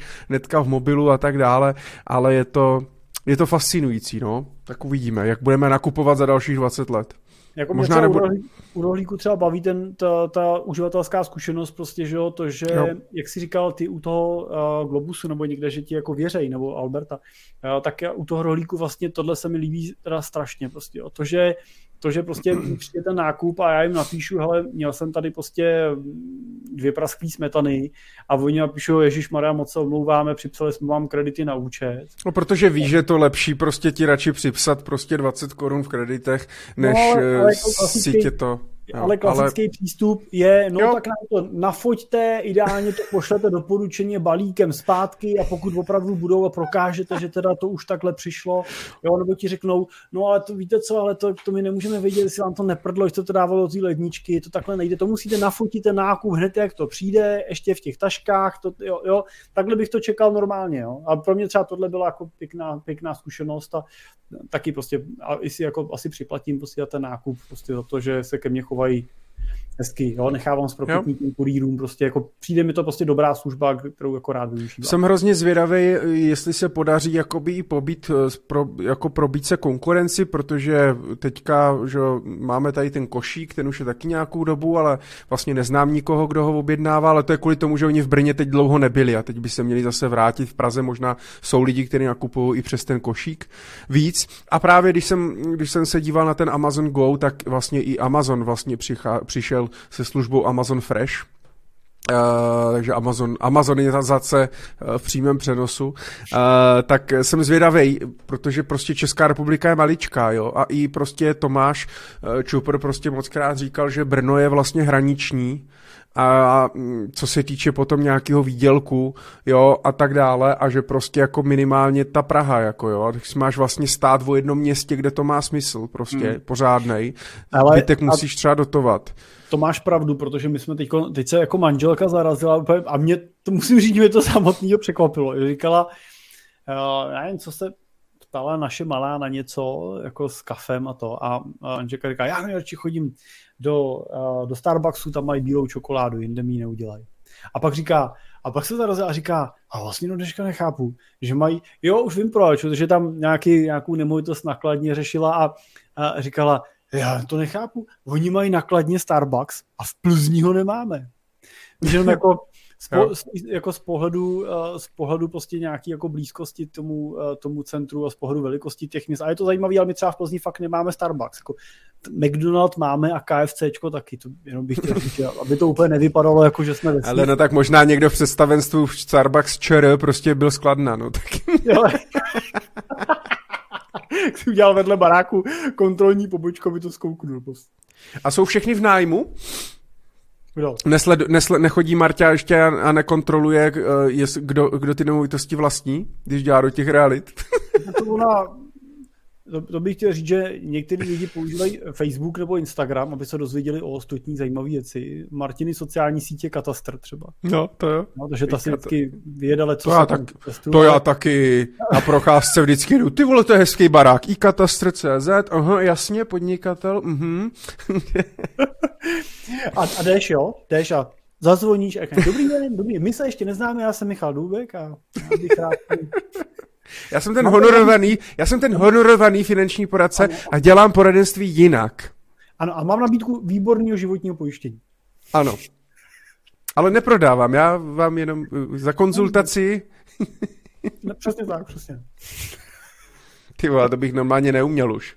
Já už bych nevěděl, co těm lidem říct vůbec, nebo jak bych... Ale, jako... ale, ale já jsem třeba byl překvapený, teď jsem byl na obědě s nějakým uh, poradcem uh, z broker consultingu a a Proč? úplně mě teda... Cože? Proč? Proč?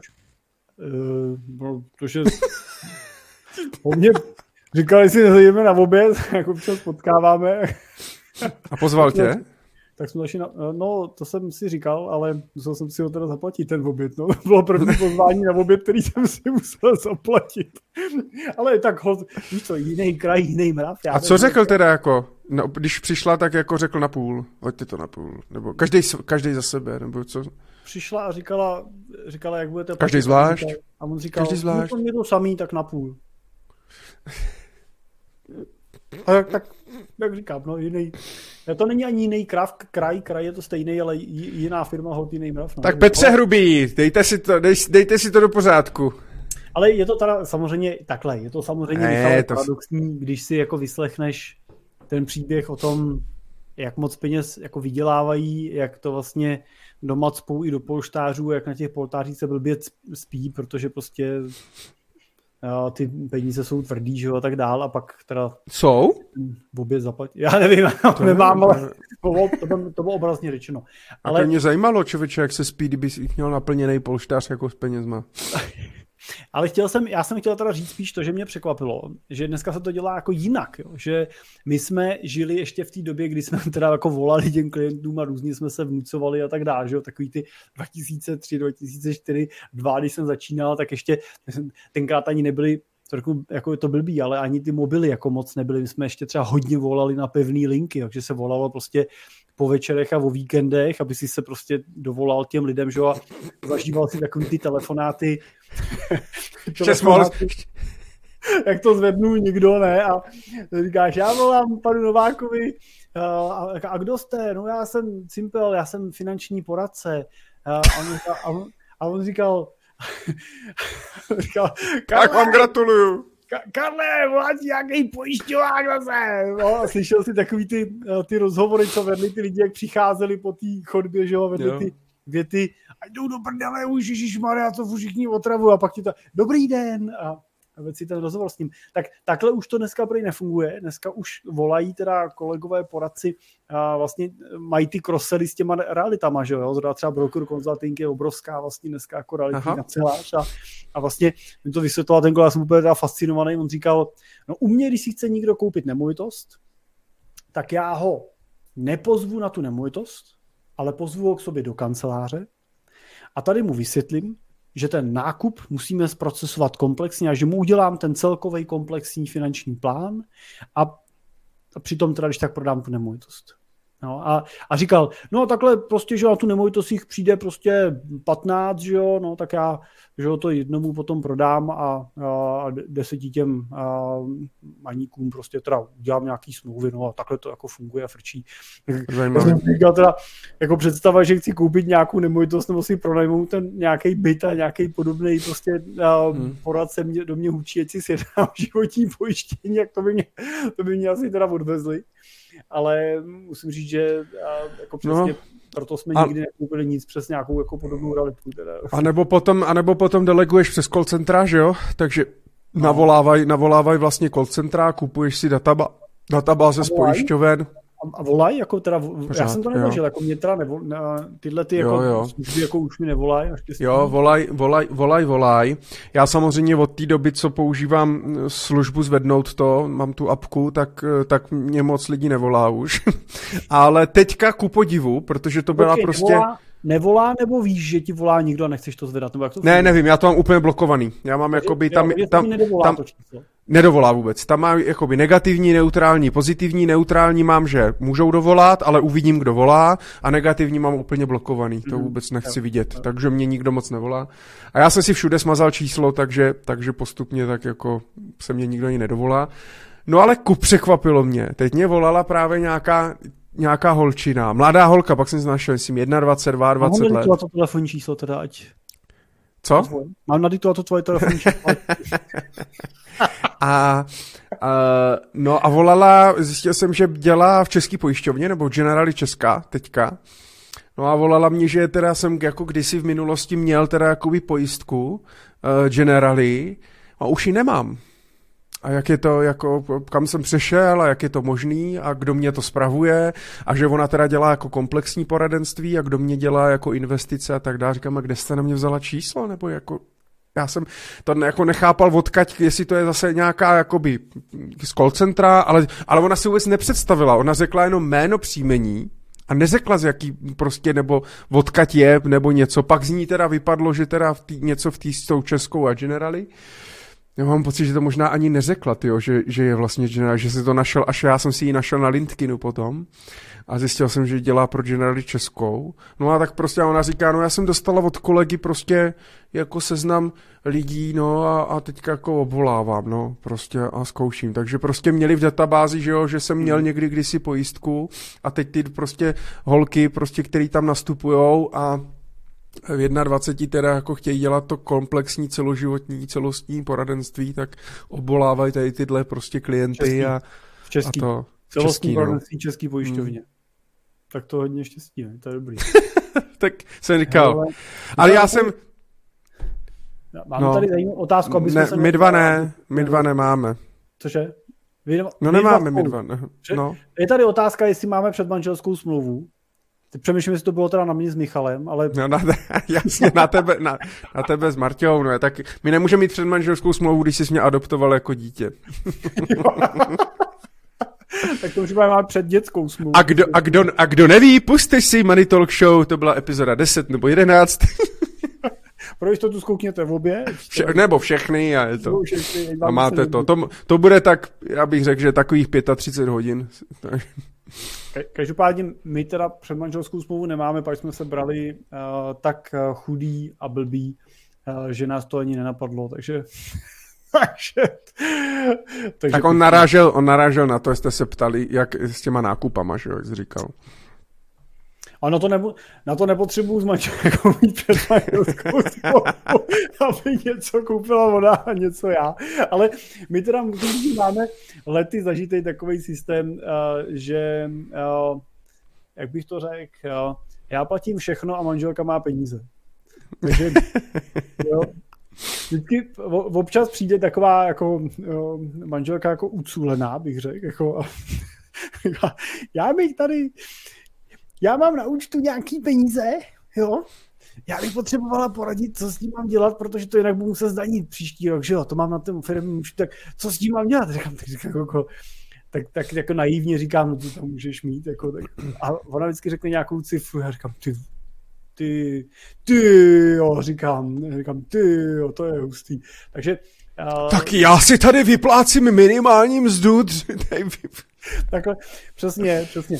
Tenhle komentář, uh, to už jsem se naučil, to, to Michale polikám, to si musíš, to si musíš naučit taky, jako žena tady musíš tyhle polikáře, komentáře musíš polknout a říct, jasně, miláčku, nějak to vymyslíme.